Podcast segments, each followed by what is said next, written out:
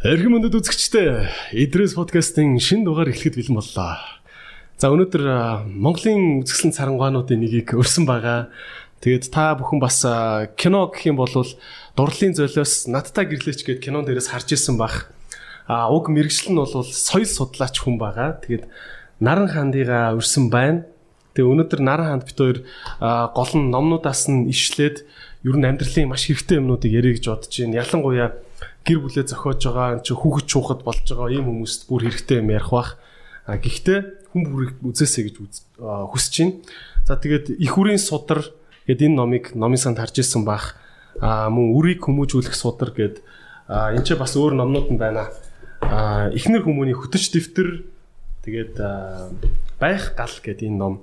Ийм олон бичиг эрдмийн ажил төрөвдөг хүн байгаа. Тэгээд номнууд нь бол ер нь 20 гаруй мянган хувь зарагдсан гэдэг чинь бол Монголын хувьд супер тоолтой тий. А ийм мундаг борлуулалттай номыг бүтээсэн хүн байна. Тэгээд нараа хандаа сайхан зусч гин үү? Сайхан сайхан зусч. За би одоо амар нэг жоохон монголс болох гээд ядаад байгаа юм. Тий. Мал сөрөг тархна уу? Харгандтай байна. Харгандтай шүү дээ. За тэгээд өнөөдөр нараа хоёр бас нэг юм яриад байна л да. Соёл судлаач гэд тэгж байгаа тий. Аа соёл судлаач гэхээр юу энэ яадаг мэрэгжил юм бэ? Э, ингээд яг тийм эрдмийн зэрэг энэ төр байд юм уу? Соёл судлаач гэхээр эрдмийн зэрэг эдэр соёл судлалаар бол хамгаалж болно шүү дээ тий. А яг соёл судлаач гэх юм бол мэрэгжил талаас нь ярих юм бол тухайн улс үндэстний одоо тэр ахуй соёлын байр байдал түүх хөгжил гэл тиймэрхүү юмнууд судалгуу тий. Тэгэд э, энэ одоо соёлын судалгааны ажил гэхээр манай монголчин бас юм юу штэ юм аман юу ихтэй те аман уран зохиол ингээд. Манай соёл гэхээр яг хаана байгаа гэхээр ингээд бичсэн юм байхгүй юм шиг надад бол санагтаад байдаг байхгүй те а өөрөө чинь бол хамгийн их ингэж яг барьж аваад судалсан соёлын бичиг баримт гэх юм уу те юу вэ? Тийм алтан судар гэдэг төрийн нууц судар гэдэг Тий. Тэгээд ер нь энээс л ер нь дэлгэрч их олон эрдэмтэд судлаач хүмүүс энэ судар дээр орж ажилласан байхгүй.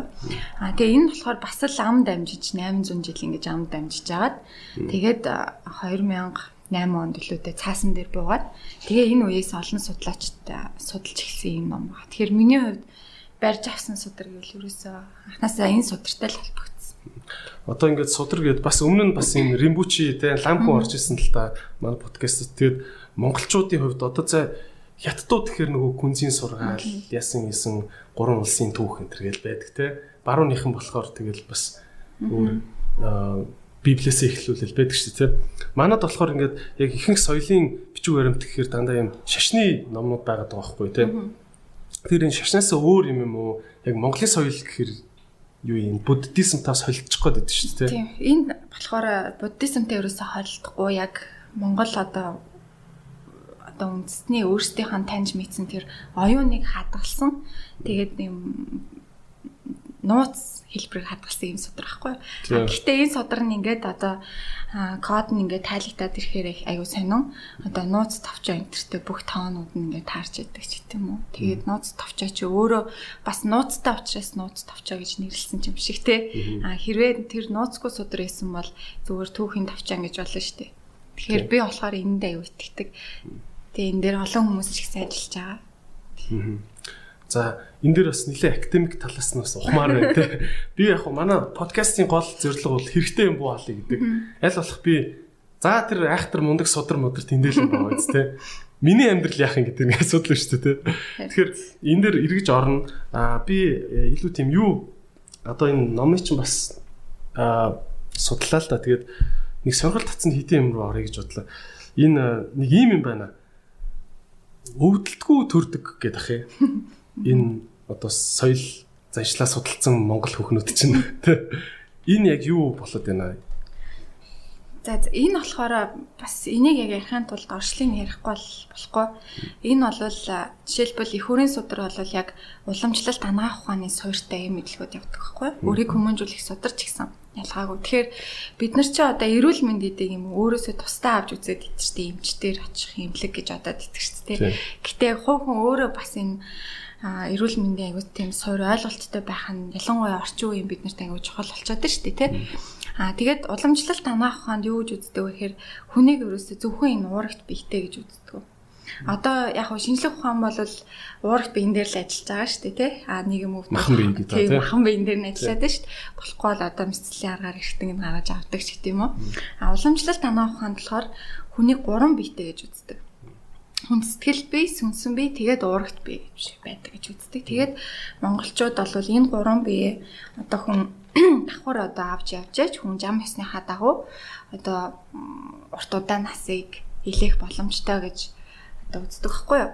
Тэгэхээр энэ их өрийн судрын мэдлэг бол ерөөсөө л жамын тухай л ойлголт гэсэн. Тэгэхээр эмэгтэй хүн байгласаа л бид нар юм төрдөг одоо байгаа шүү дээ тий.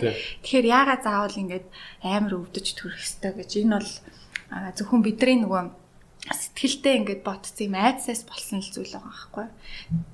Ерөнхийдөө бол амтан болгонд төрж байгаа шүү дээ. Тийм.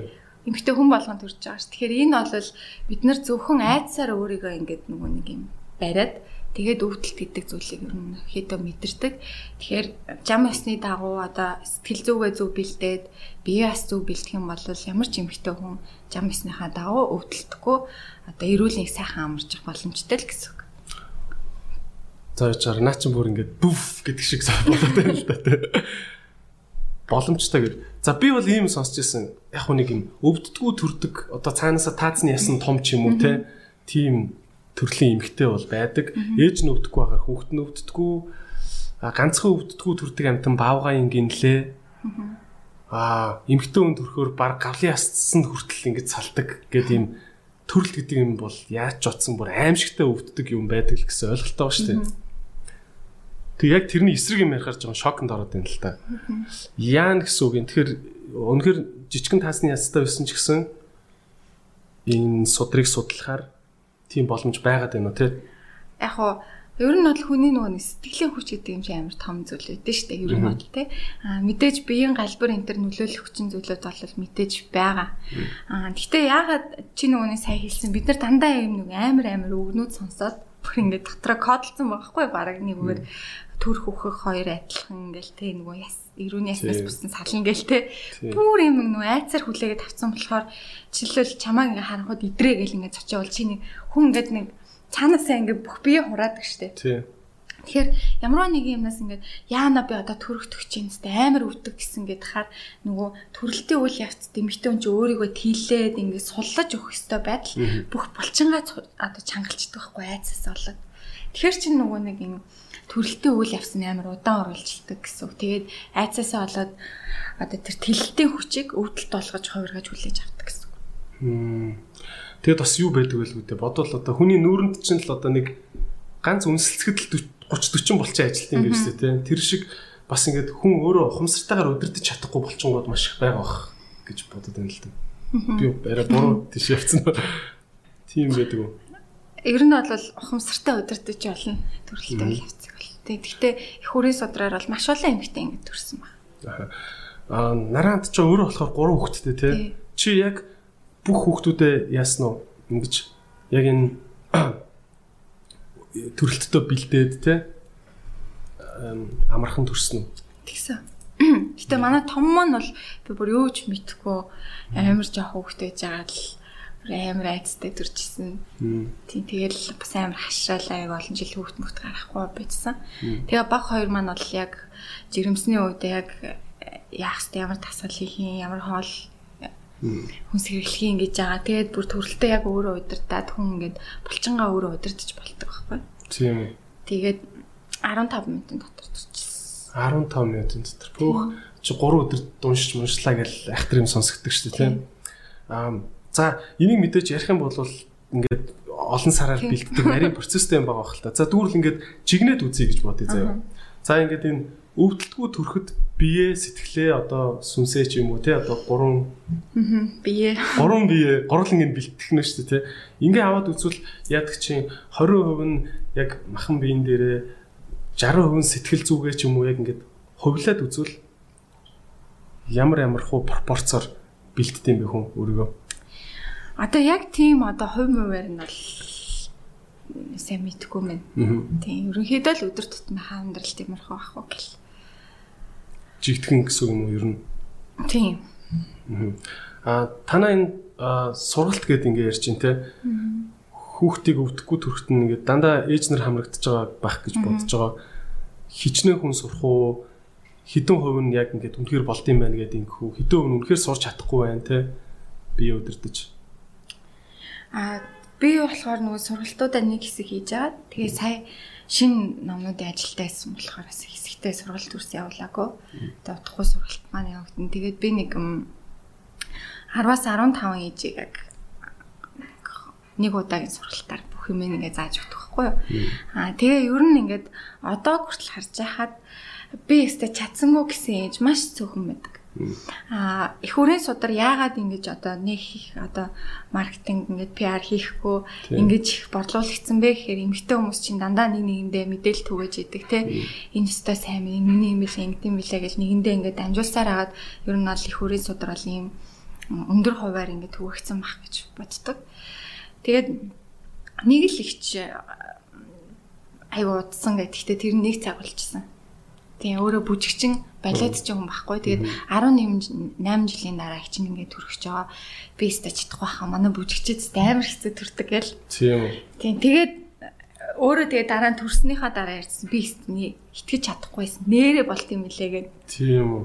Энэ одоо тэгээд энэ барууны ангаах ухаанд байдаггүй юм уу те яг ингээд дорны Монгол ангаах ухаанд бүр дорных гэхэр чинь бас хятад мэттийн ноу хав ороод ирж штэ энэ бүр тусдаа юм Монголын юу байгаа дээ нөө. Тийм. Би өдөртдөг юм ноу хав байгаа дээ. Йоо за за. Тийм. За тэгвэл яа л та. За энэ сэдвээр ингээд нэг амар хүлээд яах вэ? Зүгээр л ингээд хамгийн энгийнээр ойлгуулах гэж оролдвол тий ингээд юм амар төвшин өвтөхгүйгээр 10 та 20 минутын дотор амарччдаг энэ процесс син цаана юу байгаа даа яаж ингээд юм гэвэл энгийнээр хэлвэл яг одоо хүүхд жирэмсэн болсон цагаасаа эхлээд аа одоо сар сартаа ингээд за ийм сартаад ийм байх юм байна гэх юм байна гэдэг нэг юм дэглэмүүд байгаа л та. Тэр дэглэмээ айгуу сайн цагаад гол нь нөгөө хөдөлгөөнтэй те тэгээ зөв хоолнуудаа идээд тах юм бол жишээлбэл одоо хавган дөө ч гэдэм үү. Одоо манайхан чи ингээд жирэмсээ ээжүүд айгуу хавган дээр тэгээ тийм л байх ёстой юм шиг л бодож идэг. Тэгээл шүд ундаг гээл хүүхд төрүүлэхээр шүд ундаг сун гээд заавал тийм байх албагүй. Ер нь бол Тэгэл өөртөө аюулсан арчилгаатай байх юм бол тэгээ өвдөхгүй ч бас төрнө. Тэгээ ер нь бол хүүхд төрүүлэх, хүүхдээ гэртээ харах гэдэг бол маш гоё цаг байдаг шүү дээ. Ер нь.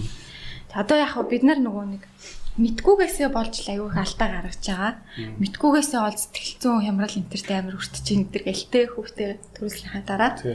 Тэгэл төрөлтэй айц амир ихтэй. Тэгэхээр зүгээр эмгтэй эмгтэй хүн болгон л гэр бүлийнхаа төлөө өөр хүүхдийнхаа төлөө байж штэ угаасаа цаанаасаа. Тэгэхээр чи мэдүүл зохихын мэдлэгээ олоод авчих юм бол эмгтэй хүмүүс аягаа тайвширчдаг байхгүй. Оо ингэх юм байна гэл. Бэлтгэлтэй тий бэлтгэлтэй. Тэгээд амар гоё болчихж байгаа байхгүй. Тэгэхгүй бид нар чи мэдгүй хахаар одоо яана гэл. Яахаа мэдгүй л одоо. Манай ууйхан бол бүр тийм шүү дээ. Тийм тий би бол бүр анхны жирэмслэлт дээр баг жирэмсэн болсноо ч ингээл баг мэдгүй Тийм л байдалтайсан. Вау. За одоо октод минь нараа тэгчээсээ сур. За энэ номыг бүгдээрээ унш олж уншаасаа гэж хүсэж байна те. Их үрийн их үрийн судар гэдэг энэ яг супер бестселлер ном байгаа. Гадуур нэг реклам ерөөсөө явдггүй шүү дээ те. Рекламдахгүйгээр өөрийгөө ингэж олон хүнд хүргэж чадж байгаа ном гэдэг бол мэдээж болоод байгаа болов гэж би ойлгож байна те. За нэг юм байна л да. За би бол мэдээж яг эсрэг өнцгөөс нь харах гэдэг шүү дээ. Ялангуяа ингээд Монголоос судалдаг, Монгол заншлаас судалдаг юм эрдэмтэд их их болж байна. Энэ хүмүүс ингээд Монгол соёлоос сэргээ гэж их ярьж байна. Тэгээ ингээ харахаар ядчихт маа Монгол улс чинь ингээл дээр үесээ ядчихт нөгөө их хилмигдүүлэлт болоод хамаг юмаа мэддэг мэрэгдийг нь алаа хятад те ингээд хилмигдүүлсэн Тэрний өмнө манжийн дарлал гэ дахиад 200 жил ингээд Монгол соёлын эсрэг бодлого явцсан гэхийн те дүүгч чинь ингээд яджах дээр нүүдэл чинь болохоор ямар ч юм бариад босгоод подвал дотор нууцсан гэсэн юм байхгүй юм. Тэгээ хамаг юм нь ингээд ам дамжицсан яг нэг юм эсвэл нэг өвөгийн авдар дамжицсан нэг ийм л соёлтой юм шиг надад санагддаг байхгүй те. Тэгэд энэс үүдээд нэг тэгдэг байсан гинлээ гэхээр л нэг айхтар сайхан монгол соёл юм шиг хүмүүс бодоод байна шүү дээ те. Тэгвэл бас яг нэг юм зөв Монгол соёл эсвэл нэг тэгдийн гинлээ гэсэн бас нэг юм мэдхгүй 100 жилийн өмнө нэг нөхөр самраад нэг буруу боршоо гэж ярьдаг шүү дээ. Буруу ховд юм үг тараацсан чинь бил яаж мэдхийн тийм үстэй. Эмгтэй хүний үс урт ухаан богн энэ төр гэл тэр бол байж болшгүй юм юм шиг ам дамц яриа үстэй тий. Энийг та ингээд судлаач хүний хувьд яаж юуг нь салах вэ? Тэ тэ. Яг үнэхээр хэрэгтэй Монгол соёл буруу Монгол соёл гэж яригадаад байгаа юм. Яаж салах юм те? Яг үн. Би ч гэсэн ерөнхийдөө л нэг иймэрхүү л байдалтай байгаа шүү дээ. Ер нь манай үеийнхэн тий. Ер нь яг юу ч юм гэл нэг юм нэг нүдэнд харагдаж гарт баригдахгүй нэг юм ингээд байгаад байгаа шүү дээ. Яа гэхдээ яг ингээд Монгол ухаан гэдэг ингээд сонирхоод судлаад энийг хаад ирэхээр ам дамжаад ч хамаагүй өнөөдөр ингээд хідэн юм аач гэсэн ингээд аваад ирсэн. Бид нар гişих газар шороотой их оронтой ингээд байж байгаад айгу баярламаар байдаг нэгдүгээр. Аа мэдээж бид нар бол соёлын нөлөөнд айгүй хавцсан байгаа штэ зөндөө юмудаа устгуулсан. Ялангуяа сүүлийн 100 жил бол бүр арайд энд дуустгсан тэр байтугай бүр ингээд одоо жам яснаас нь хүртэл бараг салах хэмжээний юм юм өвчсөн мөлий Тэгэхээр би одоо юу ойлгоод байгаа вэ гэхээр монголчууд бол бүр үнэхээр өндөр соёлтаар хүмүүс юм байна. А хүн судлалаар одоо би чинь бас л ингээ хүн судлалын чиглэл рүү бас ингээл заримдаа орж гараал ингээд явж байгаа шүү дээ. Тэгэхээр хүн судлалаасаа одоо бараг дэлхийн түвшнээс 40 мянган жилийн урд байна. Биднэрт маш их өв мэдлэг байна. А бид нар зүгээр энийг л мэдгүй л эсэм юм. Тэ одоо ингээд гой цаг үе байна те бид нар ингээд олон ном өчнөө л хүмүүс юм а хийж штэ тэ эндээс нь бас залуу үе бид нар бас суралцах хэрэгтэй болоо гэж бодоо та. А яад бол бид нар чинь амар соёлын нөлөөнд одоо одоо ч гэсэн ингээ автж байгаа шүү. Холливуудын тий. Тий. Холливуудын солонгосын K-pop гэл тий. Тэнгүүд эн чинь өөрөө бас эргээд асар харамсалтай үр дүнгууд бас гарч болох байхгүй. Ер нь эхнээсээ ингээл гарцсан байж дээ тий. Тэгэл жишээ нь гэтэл одоо жоохноос л K-pop хөгжим сонсоол тэгэл амар хүүхдэд үзүүлж байгаа Google-тэн кинонд хүртэл энэ том нүдтэй жижигхэн үедээ одоо шанаа байхгүй юм байгаад ш. Тэгэхээр чи нөгөө Монгол охтууд чинь багаасаа Монгол гоо үзэсгэлэн гэдэг бараг онгор нүднээсээ ичдэг шанаагаа өрүүлэх хэмжээний л болж байгаа байхгүй. Тэгэхээр эн чинь амар том соёлын нөлөөнд бид нэг автж байгаа ш. Тэгэхээр би зүгээр энэ дээр товчхон юу гэж хэлмээр байна. Тэгэхээр өнгөрсөнд маш их юм байгаа юм байна. Ер нь бол тий. Одоо бид нар өөрсдөө амар хөгжсөн гэж ойлгож байгаа шүү дээ. Мэдээж тийм шинжлэх ухаан одоо мундаг хөгжиж гин техник технологийн хөгжил байна. А тэгтээ хүний ухамсар ямар байгаа лээ. А өнгөрсөн хугацаанд бол өнгөрсөн үед техник технологи одоо ийм машин юм байгаагүй байж а гэхдээ хүний ухамсар оюуны ололт гэдэг бол асар өндөр түвшинд байсан байна л гэдэг ойлгож байгаа хин нөгөө Римбучи гойтой ярьж явах тэгжсэн. За тэгээд Марс гариг руу ингээд явах хэмжээний болчдөг юм байж. Гэхдээ энэ хэмжээний ухамсартайгаа яваад очивол хэцүү яа гэж тэгжсэн байхгүй. Тэ? Тэгэхээр бас энэ оюун санааны өв сан гэдэг юмыг бас айгүйх судлаад дээрэс нь айгүй зэгцтэйгээр амьдралтаа хэрэгжүүлэх нь бас чухал байгаа юм л да тий. Тий. Бас нөгөө юун дээр би боддог байхгүй аа би боддог ч байх тий. Энэ нөгөө дэлхийн оюуны одоо нүүб мөв чи ЮНЕСКО энэ чи ингээл оюуны өв сан дэлхийн одоо байгалийн өв сан, соёлын өв сан ингээл яагаад бүртгээд байгаа штэ. Энэ дэр бол яалтчгүй л заавал соёл гэхээр л цаасан дээр буусан чулуун дээр сийлсэн юм байх албагүй. Ам дамжсан соёл гэж бас байна штэ тий. Тэ? Энийг бас аль биесээр хүлэн зөвшөөрдөг юм байл л дээ ер нь. Тийм штэ. Тэгээ одоо өөр яах юм? Одоо бид нар сайхан л одоо принтер байхгүй л байсан биз дээ. Цаас байхгүй л байсан. Тэгээд ч манай энэ хатуу шир өөр авсгалтай энэ газар нутагт бид нар цаас хадгалах ямар ч боломж биш. Тэр мянган жилээр тий. А гэтээ их сонин тийм нэг юм бас л ухаан гаргадаг л байсан юм билээ. Жишээлбэл баруун хойд нутгийнхандаа олж тайсан нөгөө эрдэм мэдлэг ам дамжуулаад цээжлүүлждэг ч гэдэг юм. Тэгэл дахиад үндэснүүгүүд нь одоо дээл хуцаар нь хараал тань шүү дээ тий. Тэгээ тэр хүнийг төв газарт явж ахтан ч юм уу ураад бид нар нэг ийм үлгэр зохиосон гэж үлгэрээ ярьж өгдөг. Тэр нь цээжлээд буцаад баруун хойноо очиж бас ингээд цээжээрээ ингэж хадгалж яадаг ч юм. Тиймэрхүү ийм нэг юм зүйлүүд аюух байсан лээ. Ер нь үндэсний дотоод нэг юм соёлоо хавчулдаг систем биш үү тий. Аа. За ингээл та За одоо ярьж байна янз бүрийн сэтгэл зүйн эрүүл мэнд энэ төр гэдэг юм яриад байна те. Сэтгэл засах сэтгэлээ одоо яач идэв те. хүмүүс аяг сэтгэлээ ажиглах энэ төр гэдэг юм яриад байна тийм үү. Энэ сэтгэлэн бие энэ төр гэж яриад байгаа тийм үү. Энэ тал дээр зүгээр хамгийн суур юм. Окей. Тэ монголчууд энэ сэтгэл зүгээ эрүүл байлгахын тулд ерөөхдөө иймэрхүү иймэрхүү юмнууд хийдэг байсан. Одоо энийг сэргээгээд авчруулах нь хэрэгтэй байна гэмээр юм юу вэ? Айгу олон юм байгаа. Аа тэгээд одоо бид нар чинь нөгөө нэг сүүлийн үеийн нөгөө сэтгэл зүйн боловсролыг аюух яриад байгаа шүү дээ. Тэгэнгүүт аюу тийм амархан аргаар хүүхдээ хасдгэлийг сэтгэл биеийг эрүүл байлгах юм аргууд байдаг байсан бохоггүй юу? Ер нь одоо ч гэсэн бид ингээ хэрэглэж байна. Тэгэхээр ер нь монголчууд хүн үсгийг хин хөвлөд байхаасаа үсдэгэ гэж одоо одоо бүх төлөвшил суурь амных нь ихэн тавигдчихэдэг гэж үздэг. За тэгэл а ээж хүн жирэмсэн байхдаа байгу тайван байх ч гэдэм үү те. За тэгэл жоохон нэг 2 настай уян хүүхд чинь нэг биегээ мэдэрч эхэлдэг штэ. Манай аав ээж чинь надаас тэ нэр унаж тусдсан байх гэл нэг ингээл нэг өнгөрөөд эхэлдэг штэ. Тэгэл тэр үед нь жишээлбэл хүүхдээ уурыг засах хэрэгтэй байдаг ч гэдэм үү. Иймэрхүү юм аргуудаар яаж засдаг юм хүүхдээ уурыг? Уур өрөөсөө маш амархан засагддаг. Ерөөсөө 7 хоногийн л хөдөлмөр шаарддаг. Тэгэхээр одоо бид нар чинь манайхан ч амар амар ууртай төмөштэй ер нь бол жоохон юм дээр эр юмгүй бүр. Тийм. Эмгтээчүүд нүртэл амар хүчээр хийлэгч нар болсон өөртөө яа мэдгүй л шүү дээ ер нь л тийм. Тэгээ хүүхдийг ерөөсө 2 настай хахад нь ээж нь маав нь уурлах юм бол ерөөсө юу гэж хүлээн зөвшөөрч болохгүй гэдэг дүрэн барьдаг байхгүй. Чи уурлах юм бол ээж нь зөвшөөрөхгүй шүү дээ. Харин чи ингээ миний арга авийг олж хийдэм үү те. Ээжийг аргадаж гуйх юм бол ээж нь зөвшөөрч магадгүй ээж би гадаа гарч тоглох идэх үү гэхээр нь тоглолоо ч гэдэг ээжийг аргадаж гуух хэрэгтэй байхгүй. Хүний арга эвийг олдог арай нэг юм залжин тарих э, одоо уураас арай илүү хэрэгтэй шүү дээ тий.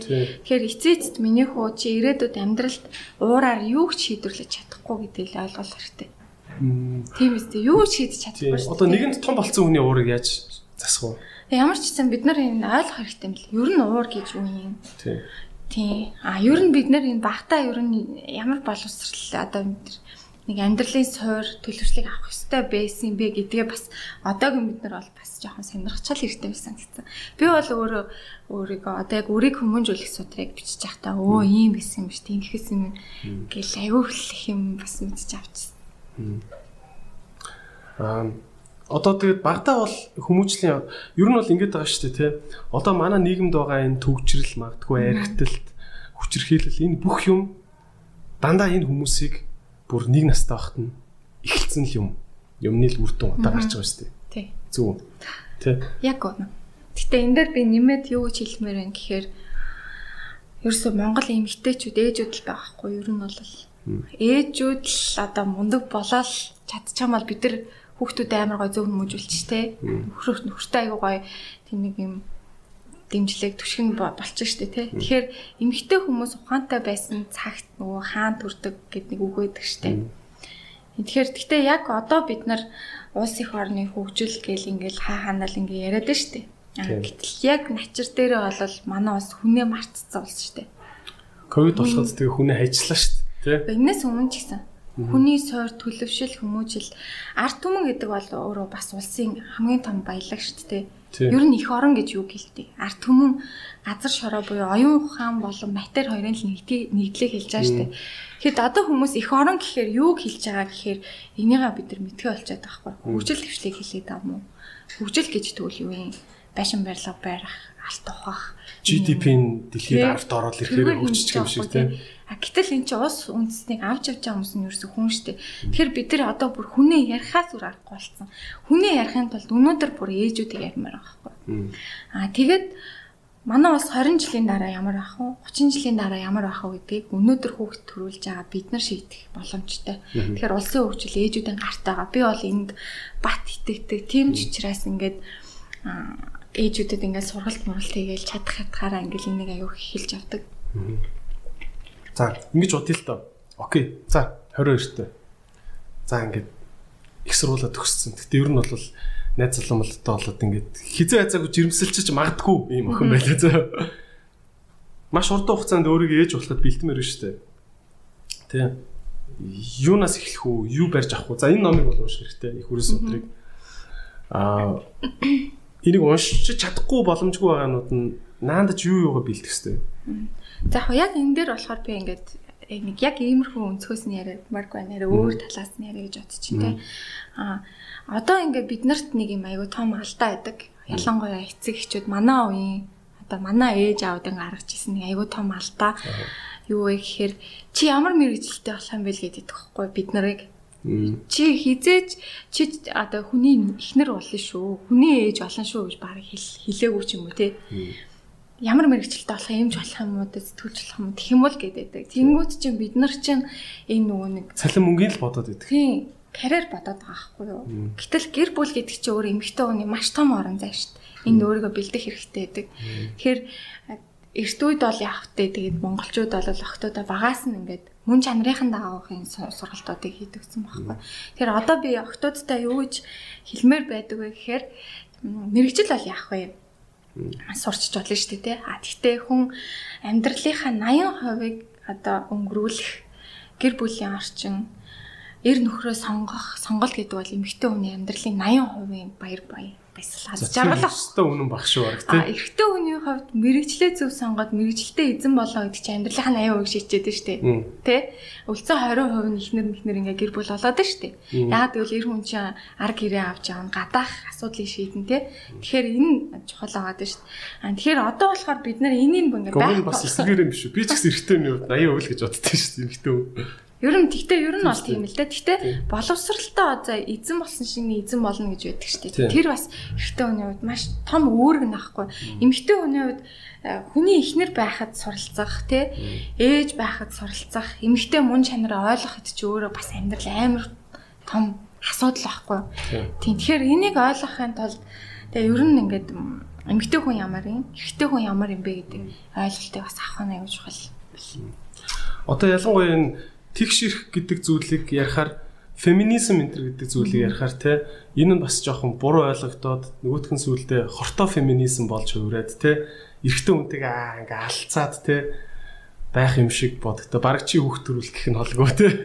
Энэ дээр бас нэг юм цэвэр яг юм ёс уламжлал бас юм барууны хэв маяг энэ технологи хөгжсөн амьдрал бас юм цоошин юм хүний эрхийн ойлголтууд энэ бүх зүйл ингээ дундаа нэг юм яг юм баланс олмоор юм шиг санагдаад байхгүй тий. Энэ балансыг өөрөө бол одоо жишээ нь хаана байгаа гэж боддөг вэ? Энэ энэ энийг хаанаас олох вэ тий? Бас юм би эзэгтэй юм чи ингээл дандаа л шалаагаад идэг гэж болохгүй шүү дээ тий. Гэхдээ бид нар нөгөө мөн чанараа таних нь аяж чухал юм л эхлээд эрэгтэй хүн ямар юм, эмэгтэй хүн ямар юм гэд те бидний юм байглаас өгсөн юм өгдлөд байгаа шүү дээ. Бүр яалтчгүй л ингээ байгаад идэг. Яалтчгүй л эмэгтэй хүн болгоо ээж болно шүү дээ. Тийм үстэй би төрөхгүй гэсэн ч гэсэн хүн сэтгэлдээ хүсгэл авахгүй юу эмхтэй хүн. Тэгээ зам ясны зүйл шүү дээ эн чинь бол тий. Тэгэхээр эрэгтэй хүн надаас юугаар авъя өөр юм би энэ хүнтэй яаж харилцах вэ?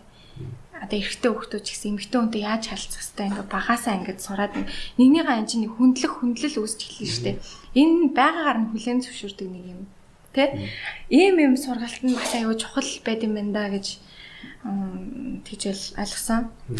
Аа тэгээд а одоо тарих сэтгэлгээний хувьд ч гэсэн бид нар амар өөр байхгүй юу?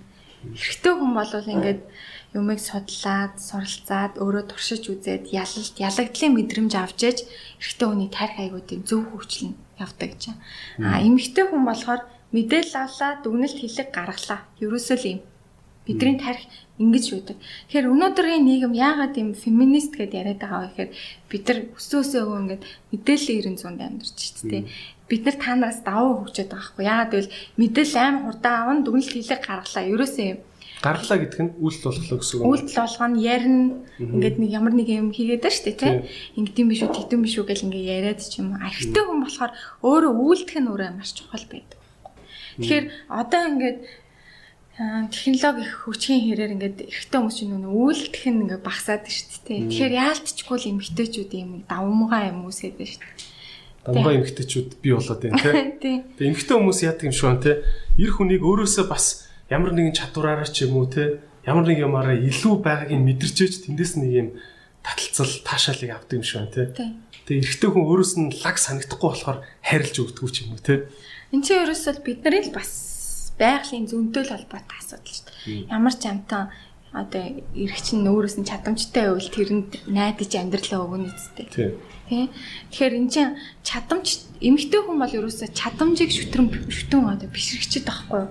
Тийм ч учраас ингээл ийм хуйлраад идэг чинь нэг айгуу залуучууд руу тий. Тэгээд Тэгэхээр эн чинь нөгөө нэг байгалийн зөнгийн л асуудал байхгүй үр хөвгтөө би энэ хүнтэй айдаж болох юм байна гэдэг. А гэхдээ чадамж гэдэг одоо охтууд маань нэг юм мөнгөтэй хүнийг чадамжтай гэж ойлгоод байна шүү дээ. Тийм тийм. Тэр нь яаж чинь инкнээсээ мөнгөтэй ч биш баахан зээлтэй тий. Тэгэхээр амьдрах чадвар өндөртэй хүнийг хайж болох хэрэгтэй байхгүй юу? А эрүүл биетэй байх хэрэгтэй тэр эрэгтэй хүн тий. Олон жил тэр хүнтэй баймаар шүү дээ. Тэр хүний удам ухсаа, удмын нас аягүй харах хэрэгтэй тий.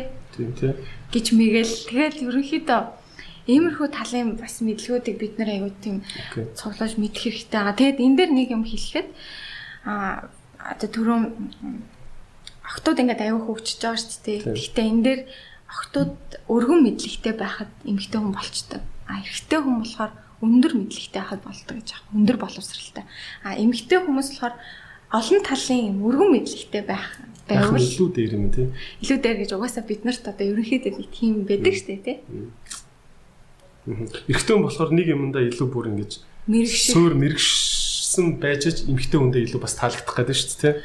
А хойлоо чинь таалагдах ярьжсэн шүү дээ. Ер нь энэ ер нь тэгэл эмэгтэй хүн чинь тэр чадамжийг л одоо шүтэн шүтэн бишрэгчл байх шүү дээ. За тэгвэл нэг юм юм байна. За би бүр амар галтгооны асуулт хоёр асуулт зөө. Зөвөр л галтгооны юм асуу. За. За нэг юм юм байна. Өөрөөр төр хэллээ. Эмэгтэй хүн эрэгтэй хүнээс юуг харахаа ханаа яаж сонгохоо мэддэг байх хэрэгтэй гэсэн зөв. За. За ингээд ингээд ёс уламжлалаа ингээд сайн судлаад соёлоо судлаад байх нэ бүр ингээд базаад бүр ингээд нэг жиргэнд багтаач гэж бодъё. Би яг айгуу тийм залхуул юм хүсэж идэг л та зөв тусаа. Махан гэхдээ номын сайн уншаарай гэж би хүсэж байна. Аа зүгээр ингээд зүгээр топ 1 2 3 гэж хэлээ л та. Тэгвэл одоо өөрөө чинь охин дүү те найз залуутай болох ч юм. Сериосны. За мэдөө энэ энэ энэ хараарай гэх юм юу вэ? За шууд амар хамгийн ойрхон ороод зүгээр хариулж итээ. Хамгийн эхлээд удам содрыг хараарай гэж хэлнэ. Удам содрыг хараарай. Удам содрыг аав ээж нь ямар хүмүүсээ гэдэг те. Удам содрын За дараа нь эрүүл мэнд тэр хүний харагдах байдал бүрэн эд хэрэгтэн одоо бүрэн бүтэн байна уу? Тэ. А эрүүл мэнд одоо булчин шүрмс нь одоо хөвгчж өв хөвжөөгүй байна уу? Тэр нэг өв тэгш би гэж байна дээ. Энд чинь өөрөө маш чухал зүйлхгүй юу? Ер нь бол а гуравт нь болохоор тэр хүний чадамжийг харах хэрэгтэй. А тэгтээ тэр хүний мөнгөийг гэж амш. Ер нь амьдрах чадамж хэрэг юм бэ гэдгийг эмэгтэй хүний зөнгөөр бас мэдрэн шүү дээ, тэ ямар ч хэцүү нөхцөлд орсон тэр хүн яах вэ? Өөрөө өөрийгөө аваад явах чадвартай эрхтэй үнэ үү? Гэр бүлээ аваад явах чадвартай эрх үнэ үү? Өөрийнхөө оролцож байгаа орон зайдаа эзэн болж чаддсан байх уу юм уу? Найс нөхдөд хөндлөгдөж чаддаг уу те? Тий. Харилцааны хэр соёлтой ингэ те. Тэгэхээр ер нь бол энэ харилцаа гэдэг юм чинь амьдралд амар том зүйл дээ. Ялангуяа бүр эрхтэй хүнд. Эрхтэй хүмүүс чи ерөөсөө бид нар өдөр болго агаар амьсгалж хоол идж байгаатай адилхан бид нар гараал хүнтэй харилцаж байгаа шүү дээ. Тэгэхээр одоо бид нар чи юм харилцааны үнэхээр соёлгүй арт хүн болчиход байгаа хгүй юу? Тийм тийм тэгээ мэдлэлгүй. Харилцаа гэдэг бол маш чухал тэр хүнтэй яаж харьцаж гин тэрээс нь ингээл хүний болол бас хараад өгч бас болно шүү дээ тий. Тийм тийм. Энд чи амар гэрхэ харддаг юм шиг надад санагц. Түрүү ингээл тий студ орч юм уулзж байгаа. Эдрээ хомсны чинь энэ цагаан амир бүдэрч гээл. Тэ. Би ясны шүл уух хэрэгтэй гэдгийг ойлгосон тэ. Окей. За энд нэг ийм байл да. Би бас номыг ч бас уншиж байхдаа нэг харж исэн. Энэ эсвэл айгуу тийм Монгол хит юм Монгол ёс уламжлалтай холбоод ингэж нэрлсэн юм уу эсвэл энэ тусдаа юм бүр ойлголт байгаа дээ нөө. Харилцааны гоо зүй гэдэг юм биш үү? Тэ? Юу гэсэн үг вэ? Харилцааны соёлыг хэлж гинүү тэ? Аа.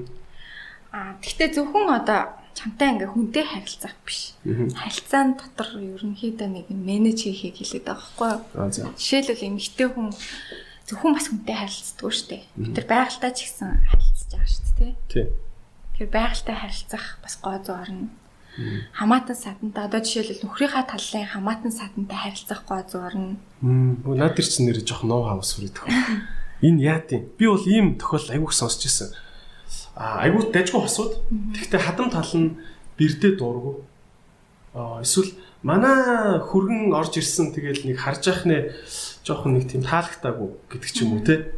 Ингээл юм жоох юмнаас эхлээл ингээл хүнтэй суун гэдэг чинь цаад гэр бүлд нь бас таалагдах хэрэгтэй шүү дээ тийм. Энэ дээр юуг анхаармаар юм шиг байдаг вэ? Одоо Монгол ёс уламжлалаар юу юуг заад юм бэ те?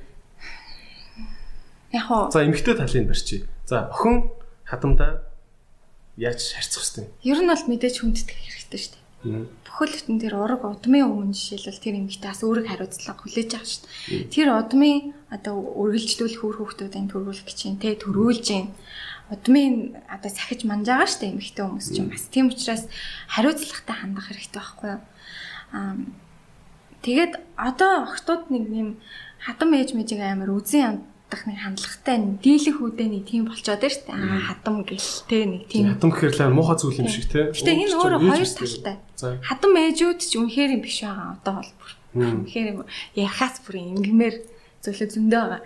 Гэхдээ бид нар яах вэ? Залуучууд тэр хүний насыг ядаж хүндэлж болж түүний нэг Монгол хүний нэг юм нэг юм бас нэг сайхан сэтгэл үүд штэ нэг муужуу те. Тим юм а бас бид нар жоохон өөрсдөө жоохон сэтгэлээ хөвгөлж явахгүй болвол болохгүй штэ. Аа. Тэгвэл хүргэн тал нь одоо залуу. За би за би одоо жишээ нэг хатан хатан байлаа гэж бод те. Миний урд би нэг за За насыг бодоод нэг удаа дугаах хэрэгтэй юм. Өөр яах хэрэгтэй юм би. Гэтэ ер нь бол тусдаа л хэрэгтэй. За. Би бол тэгж боддог. Залуу гэр бүлүүд ээж аваасаа тусдаа бах хэрэгтэй. Уулзах үедээ уулзаад баяр ёслол бүх юмд нь оролцох юмд оролцоод гэтэ өөрсдийнхөө орон зайг хамгаалж ах хэрэгтэй гэж бодоод идэг байхгүй юу? Ер нь л тусдаа айл юм чи тийм. Ер нь монголчууд ч гэсэн тийм шүү дээ. Хизээ нэг ингээд нэг аав ээжтэй нэг гэрт амьдрал хийжсэн тийм үст 18 нас хүрлээ хүүгээ гэр барайл тусна гаргаал ингээл адуу малын өгөөл бүхэл бүтнийг айлыг бий болгоод ингээд өгдөг штеп. За нэг настай хүн байлаа ч гэсэн нэг болонд нэг их эргүүлээ сууж идэх ч юм уу те хэлэхдээ нэг сайхан гоё хүн тухайн нэмхээр гоё сайхан үгийг хэлждэг. Өөр ач нараа одоо хараад өгдөг ч юм тустай нэг юм хүндлэмээр сайхан ингээд нөхөрчүүл байдаг штеп. Тэгэхэд өнөөдрийн 50 60 настай юм эмэгтэйчүүд бол бас амар хэцүү Тэгэл бас нөгөө уламжлалаа хүүхдүүдийнхээ амьдралд хит их оролцдог. Хүүхдээ өөрийнхөө өмч гэж боддог. Тухайн хүнийг хүндэлдэггүй те гэр бүлийн хүндэлдэггүй тэдний амьдралд амар оролцдог. Тэгэл ингэх хэвээр юм шүү, хэвээр юм шүү. Яагаад ингэж байвал одоо манай дээд үеийнхэн ч юм өөрөө өөрийгөө олоогүй хүмүүс ахгүй юу? Ер нь бол өөрөө гэж баг байхгүй. Өөр нь ингээ хүүхдүүдтэй хуваацсан. Тэгээ өөрийнхөө чадаагүй хүүхдүүдээр хийх гэдэг чинь тийм их юм баг шүү. Яг өмч юм шиг ханддаг те. Тэгээ гэр бүлийн асуудалд нь хитрхийх оролцдог ч гэх юм уу. Тиймэрхүү асуудлууд амар яг хоо энийг ярих юм бол амар их юм ярина шүү дээ. Тэгэхээр угсаа юу ч ярьсан гэсэн амар их юм болно л тий. Тэгээ хоёул айл болох аа аа тэгээ Монгол нэг л Монгол соёл уламжлал гэдээ ингээ ярьж байгаагийнх яг хурдан аваа хэрэгжүүлж болох юм юу байна л гэдгийг бодод байна л да тий. Яг хоо мэдээж соёл гэдэг бол ингээл хит хитэн бот ном байгаа шүү дээ тийм үстэй эндээс хэрэгжүүлнэ гэдэг чинь бас ондоо зүйл байгаа байхгүй тий. А түрүүн хэллээ уурыг айгүй хурдан засч болдог зүйл тий. Яг тэр хүүхдтэй ингэж харьцаж байгаа нь надад бол айгүй хэрэгжүүлж болмоор санагдчихээн л та. А тэгвэл нэг юм юм байдаг тийм үү. За би бас өөр нэг зочноос асууж лээсэн. А хулгайч хүн бол засардггүй гэж зарим нь ярьдаг, зарим нь засардаг а гэж ярьдаг тий. Тэгвэл нэгэнт ингээд багтаа олигтой хүмүүж шатаагүй том хүнийг яаж өөрчлөлт юм бэ? Хүнийг өөрчлөх аргачлал гэж байна уу? Монгол уламжлалт. Би яг наадах юм бас аяг боддог гэсэн юм аа. Тэгээд монгол хүн бол бас нэг амар өөр гэл ингэж ярьдаг штэ тий. Тэгэхээр бидний нэг юм удамшилт бас нэг юм хүч байгаад байт юм шиг. А энийг яг уламжлалт одоо анаахын сударт юу гэж үздэг вэ гэхээр Монгол хүн бол одоо сэрхээс толох юм бол ингээд секундын дотор сэрэх чадамжтай гэж байхгүй. А энэ хөх толбонд учир нь байгаа гэдэг. А хөх толбоч нэг аягүй сонин зүйл байгаа даа штэ. Минг гэхэр минг ш тэ. Бэжс нь алга болчдөг. Тэгээ энийг яг уламжлалт анаах нь болохоор энэ нь одоо мон топ буман гэдэг юм тусгай бодис гэж хэлээд байгаа. За. Тэгээд энэ нугасаар дамжаад тархинд очдог. Тэгээ сайхан нэг юм сонирхолтой судалгаа гарсан байсан. Яг сургуулийн санахгүй байна. А Европт хийсэн судалгаа юм байл та. Тэгсэн чинь чи хаанаас ирсэн гэл ингээд Азиудтай Европод мэдлэгээр Хятад, Солонгосоос гэхээр аа заг энийг дөнгөрдөг.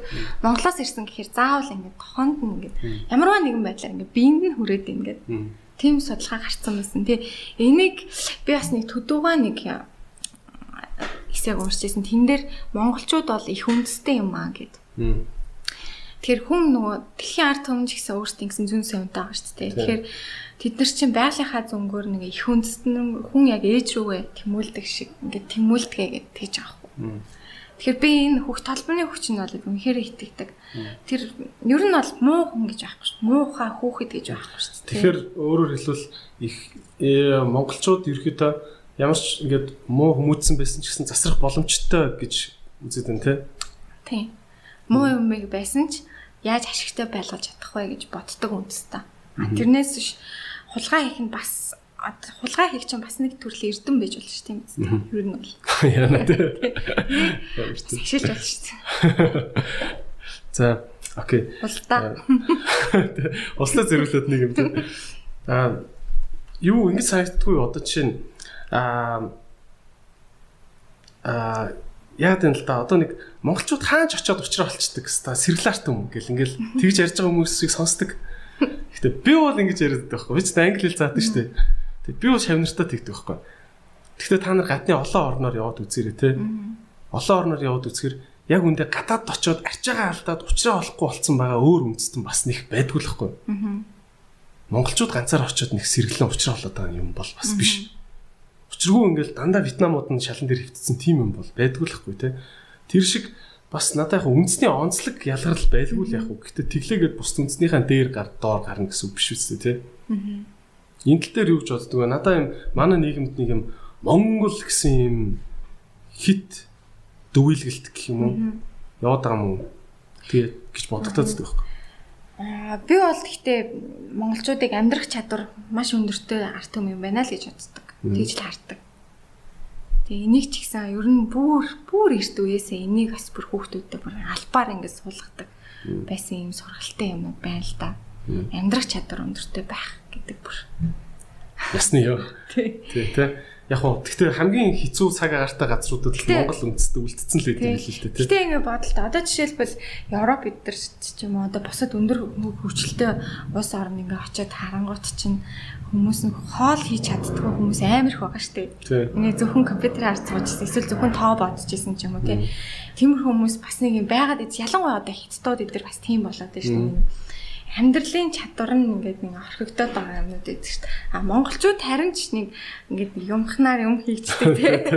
Тэр нь заримдаа амар лайтай тий. Мэргэжлийн төвшөнд хийхгүй ингээд болгоч нь гэдэг найз тий. А гэхдээ энэ дээр нэг чухал юм байгаа. Энэ ерөөсөө бүр монголчуудын бүр хүүхдээ өсвөхтэй баримталдаг байсан айгу том зарчмын нэг багхгүй. А Монгол хүүхд бол бүх юмд чадамжтай. Гэхдээ нэг зүйлдээ төгс гэдэг зарчмыг баримталдаг гэсэн ба. Баггүй юу? Тэгэхээр одоогийн бид нар шиг ингээ юмыг оромдож хайдаг бол биш те. Гэхдээ нэг зүйлтэй төгс. А тэрнээс хүүхдийг яг тоо гэл тоогоор нүдэл хилгээл хилээр нүддэг ч юм уу. Эсвэл чи уран дарах ингээл зөвхөн дарахын гээд өөр юм хийхгүй биш. Айгуу тийм баялаг амьдрал амьдрал дотор хүүхдийг ингээд өсгөн боожулдаг их олон талын мэдэл мэдлэг өгдөг гэсэн л. Тэгэхээр ер нь хайбрид те хайбрид тослмол те Тийм баймаар олон юм чаддаг. Тэр дундаасаа нэг юм төгсч чаддаг. Ийм хүүхд бий болох гэж хүмүүжүүлдэг гэсэн те. А хүүхдийн хүмүүжлийн тал дээр бол энэ ном дээр бол асар их юм байл л те. А бүр ингээд нас насаар нь ангилсан те. Тэр байтугай бүр баг гидсэн тухаас нь эхлээл хүмүүжүүлдэг юм баг эхэлдэг те. Энэ дотроос би яг нэг олон юм яриад хэрэггүй гэж бодож байна. Энэ хүүхдийн өвдөлтүүд байна шүү дээ те. Аа хүүхдийн ингээд ерөхийн э, их гардаг эмгэггүүд. Одоо маахын тэгэл хүүхд толгон салхин цэцэгттэй хүүхд толгоны ингээд өсгөр өвдгөн өвддөйн ч юм уу те энэ дээр бид нар яг нэг юм хүүхдийн өвчлөлт эрүүл мэнд дээр юуг бид нар мартчихад хүүхдэд хорлоод байна? Өнгөрсөн сарын борлуулалтын дуудлагын тоо хэдлээ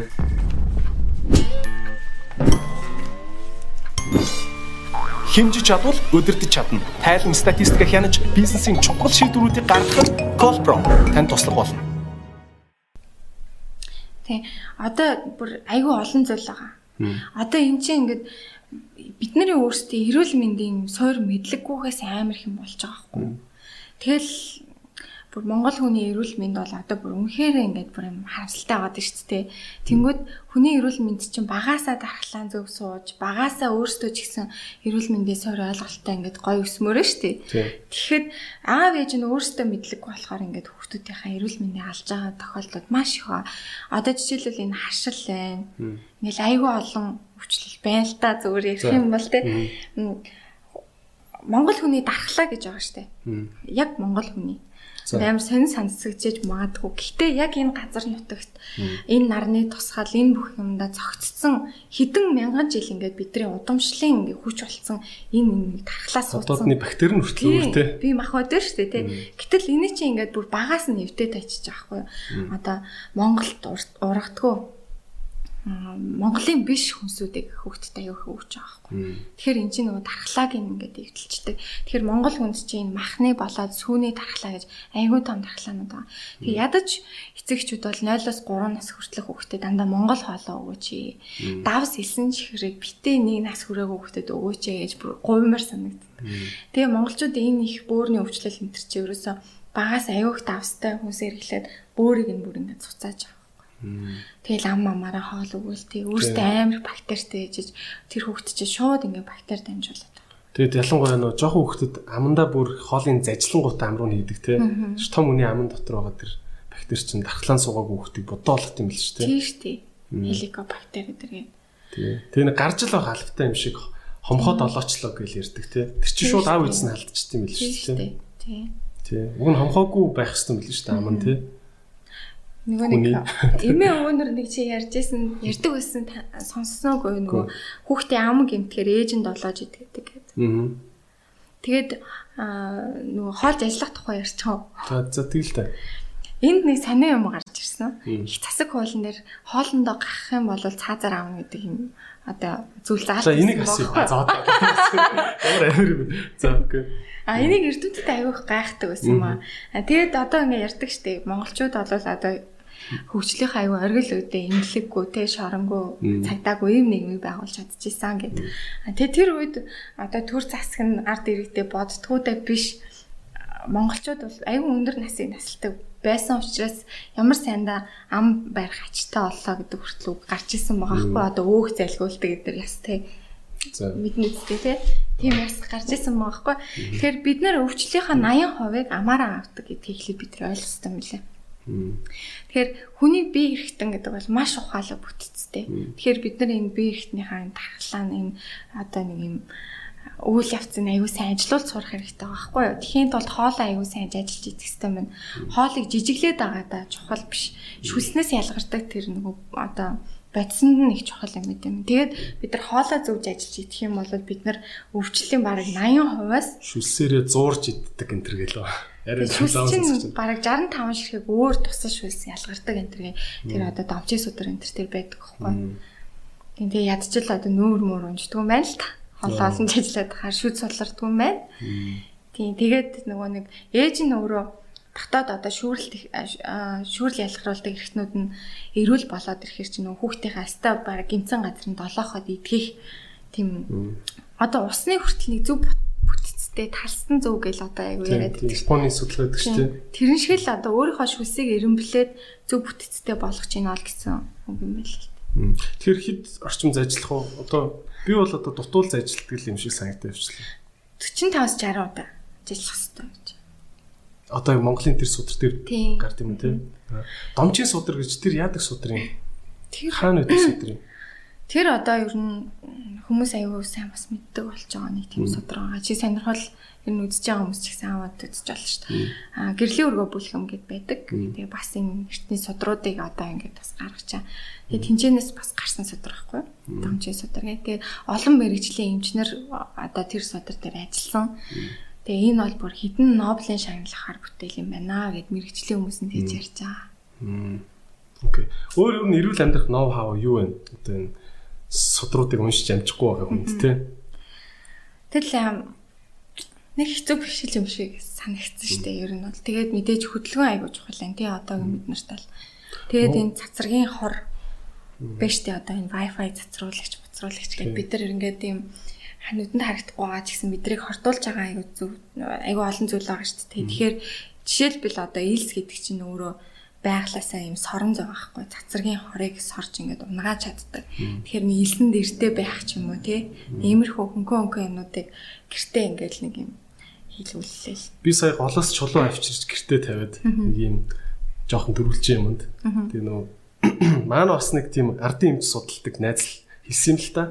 Тэгээд нөгөө стресстэй дэвэл бас байгальтаа ингэж бие наалдуулж авахгүй бол хөл нүцгэн явдаг гэсэн шүү дээ. Тэгэхээр хүний бие чинь ингээд бие чинь ингээ муу цэнгээр цэнэгчдэг те. Хөл нүцгэн байгаль дээр явж иж тэр цэнэг нь ингэж саармагчдаг те. Тэгээд бас бас массаж болно гэдэг утгаараа ингээд чулуун дээр ингээд гэртээ гიშгэх авчихгүй юу.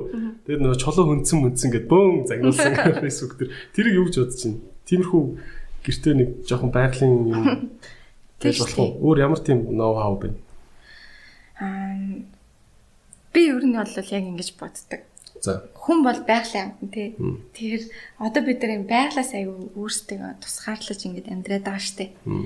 Тэгээд би түрүү хэлсэн штэ тий нөө хүн гурван биетэй гэд тэг хүнд 7 хүрд байдгаа гэд 7 чакра гэдэг л хүмүүс ярьдаг шүү дээ.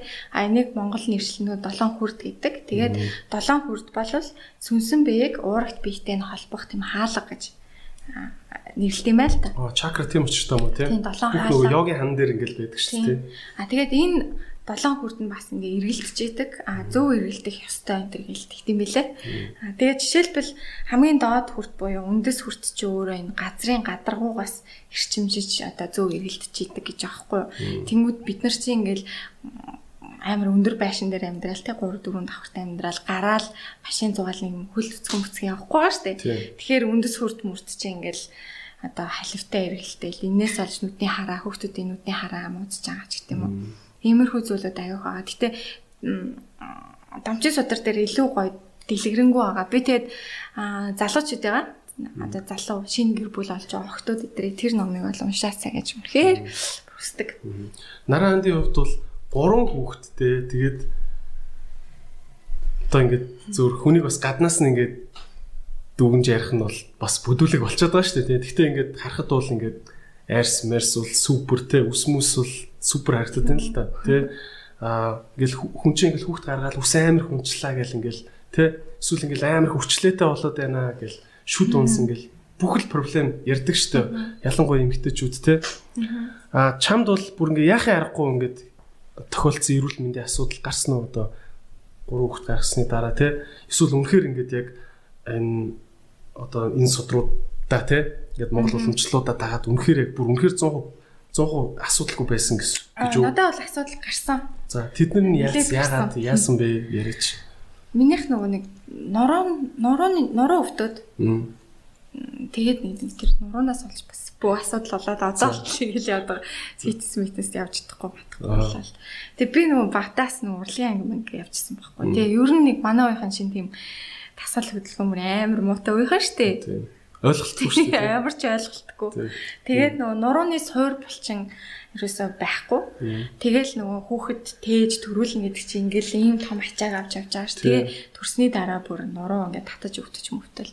Тэг яг хаа барай маранд явж байгаад бол гайг болж байна. Нэг том асуудал бол энэ аа. Тэгэхээр нөгөө ямар ч булчин бэхэл бэхлэлт байхгүй нурууны ясан дээр ингээд хүүхдийн жин дараад мэдрэлийн гэмтэж чинь гэсэн үг тийм. Тэгэхээр хүүхдийг ерөөсөө 0-аас 7 наснд нь суур одоо булчингуудын хөгжүүлэх хэрэгтэй байхгүй. Суур 3 том болчихсон байгаа шүү дээ. Одоо гойны нурууны артлын тэгээд энэ далны мөрмийн гээд энэ гурван булчин дээр нь л тохирсон тасгалуудыг цэцэрлэгтэн чийлэгч идэг, гэртеж хийж идэг баймир байгаа байхгүй. Уг нь бол бүр юм нэгдсэн нэг бодлоготой л баймир байл да. Ер нь манай улс Одоо тэгэл өөрсгчин охтууд ингээл бодвол бодвол 20 морьтой байх та турхаал байвал сайхан гэж бодвол дасгал хийхгүй бие тамирын хичээл дээр очихоор багштай акт актын бичиг шийдчихэл хоолоо өвддөг гэж сууж идэг шүү нь бол тий. Тийм. Одоо яах вэ тэгээ хүүхдийг бага насны хүүхдийг фитнест явуулалтаа биш ингээд гарахаар хөлбөмбөгийн талбай байхгүй. Тэр хүүхдээ чи яаж тэгээд за 7 настай охин байлаа гэж бодъё те. Яаж нурууныхын суурь булчин хөгжүүлэх юм? Энэ бол айгүй хөөх хөөхөө юм тоглоомын аргаар л ерөнхийдөө хүүхдийг булчингуудын хөдөлгөөд иж болт юм л да. Тийм аргууд ингээ өрийг хүмүүжүүлэх судар дээр бас нэлээд орсон байгаа. Битүүр яриа ер нь асуусан асуулт наад намаа ууш гэдэг юм боллоо те. Жишээлбэл ингээд тоглол тоглож ийн гэж бодъё те. Ингээд газар нэг 100 шагаа асгадаг ч юм уу. Тэр нь улаан ба цэнхэр өнгөтэй. Тэгээд автаа тоглохгүй. За миний хүү цэнхрийг чи шин тавиад улааныг ийшин тавиараа гэхэд. Ингээд сууж босоод ахна штэ автагаа. Тэгэхээр гурван болчин гуруула зэрэг хөдөлдөг. Ийм тоглоом байж болно. За яг том хүний хувьд гэх юм бол тий надаа ингэ зүгээр энэ Монгол уламжлалуудаа уншиж байхад яг юм секстэй холбоотой айгуу чухал бүлэг байл л дээ тий. А энэ дэр бас үзэгчд нартаа хүргмээр байна. А сексийн талаар за ялангуяа за томчууд ч олцсон байдаг билгүү дээ. Үзэж байгаа магадгүй 18 та 20 та үзэгч байж болно шүү дээ тий. Монгол уламжлал сексийн талаар юу хэлээд байна вэ? Юу хэлэх гээд те бид нэр ингээд магтгүй биологи хичээл дээрээ сураагүй. Тэнд юу байна би магтгүй сексийг шал буруу ийг яваад байгаа ч юм л те. Ястаа сони юм бэ тийм за. Амар гайхсан. За шууд хэлнэ надад а эмгтэн хүний одоо бинд нууц хүүдэ гэдэг юм байт юм л та. За. А тэгээд тэрнээсээ одоо дурын шингэн гэдэг юмыг ялгаруулж одоо тэгж дур тавих хэвээр байдаг. А тэр нь болохоор эмгтэй хүн одоо юм бүр юм сэтгэлийн бухимлыг хүртэл тэгж тайлж чаддаг гинэ.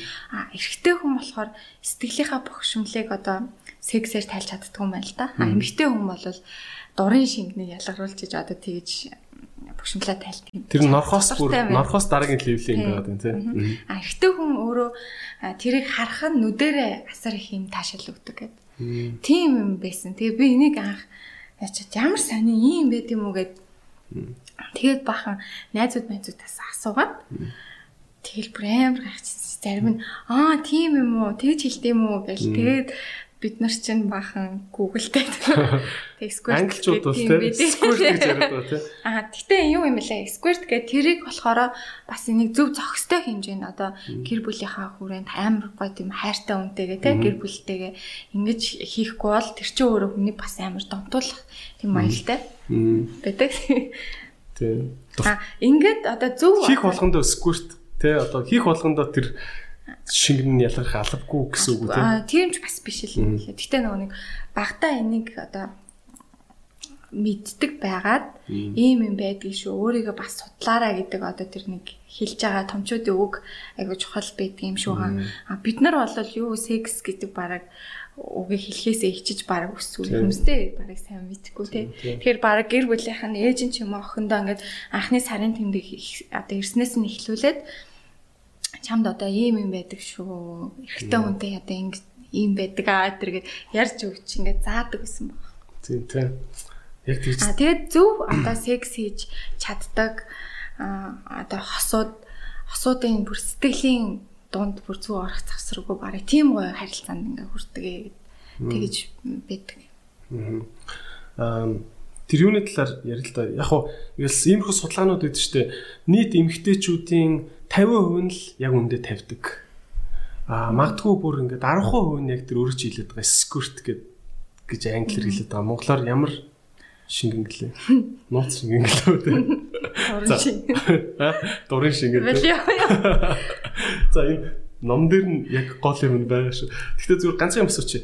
Аа Монголын одоо энэ энэ тэ уламжлал дээр эмгтэй хүн болгон энэ хүслийн шингэн, дурын шингэн тэ энэ зүйлийг гаргаж чадна чаднаа энийг сурах хэрэгтэй гэж хэлээд байгаа уу эсвэл ер нь байглаасаа тэгж чаддаг хүүхнүүд нь цөөхөн байд шүү гэдэг энэ хоёрын л яг төгжийг гаргаад өгөөч ээ гэж асуугаад байна да. Хүн болгон бас тийм байх албагүй.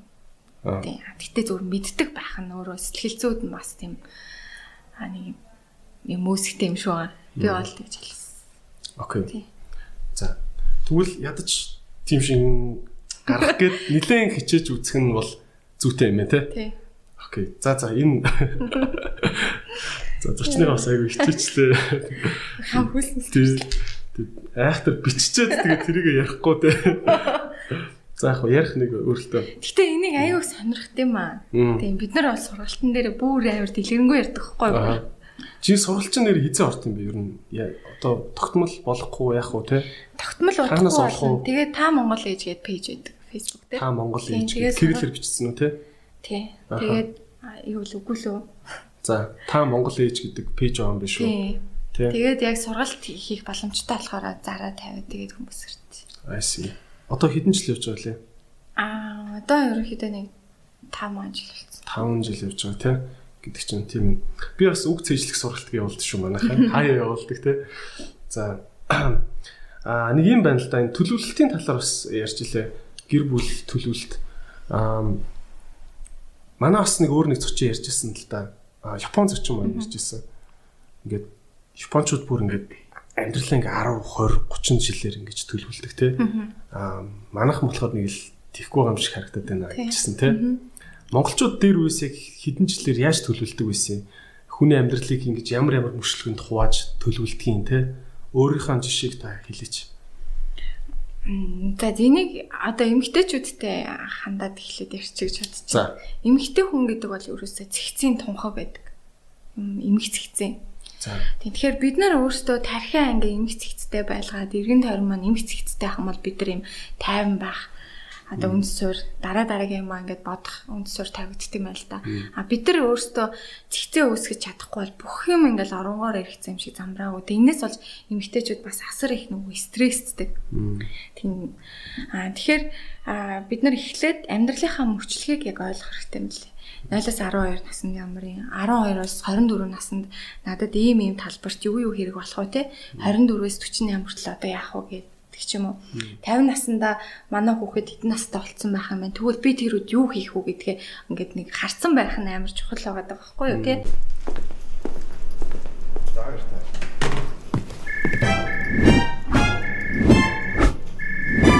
Бизнесийн байгууллагын хувьд дуудлага бүр орлого боломж сэтгэл хангамжийг дагуулдаг. Дуудлагуудыг боломжуулахад Callpro танд туслах болно. За эрхэм хүндэт үзэгчдээ Идрээс подкаст үргэлжлэж байна. Наран ханд гэдэг соёл судлаач эмгтээтэй бүгд ярьж байна. Та бүхэн бас кинон дээрээс харж ирсэн баха. Аа өнөөдөр бас спонсорыгоо танилцуулахгүй болохгүй. Манай зөөлөн ус pH 8.5-тай Экос ер нь хамгийн зөөлөн хотоодон дээлтэй ус байгаа. Экос ус аялалд аваад явхад айгүй гоё ус хүнс хүнс эрүүл мэндийн манлай үйлдвэр Монсын бүтээл. За аа юу агаад байна л да. Аа манай өмнө нь Япон зочин маань ярьж ирсэн. Японууд ингээд амьдралаа 30 моч 40 хэдэн ч жилээр төлөвлөдөг гинвэ. Би ингээд бас өөр дээрээ бодсон чинь би нэр яг үндэ ингээд одоо 40 40 гараа би яг уу 50 хүрээд яг уу гэдгээ бол яг үндэ бүр ямар ч бодох сөхөг байна л да. Тэ? Аа манай уламжлалаар энэ төлөвлөлт амьдралын төлөвлөлт гэдэг юм яаж хийдэг байсан. Тэг одоо би яах вэ? амьдралын төлөвлөлт бол амар чухал зүйл юм билээ. Тэр нь бол тэгээд эн чинь өөр төлөвлөлт гэдэг чинь өөрөө цэгц болоо авчиж байгаа. Амьдралаа зэгцлэх үйл явц нь болоод шүү дээ. Энэ туслах те.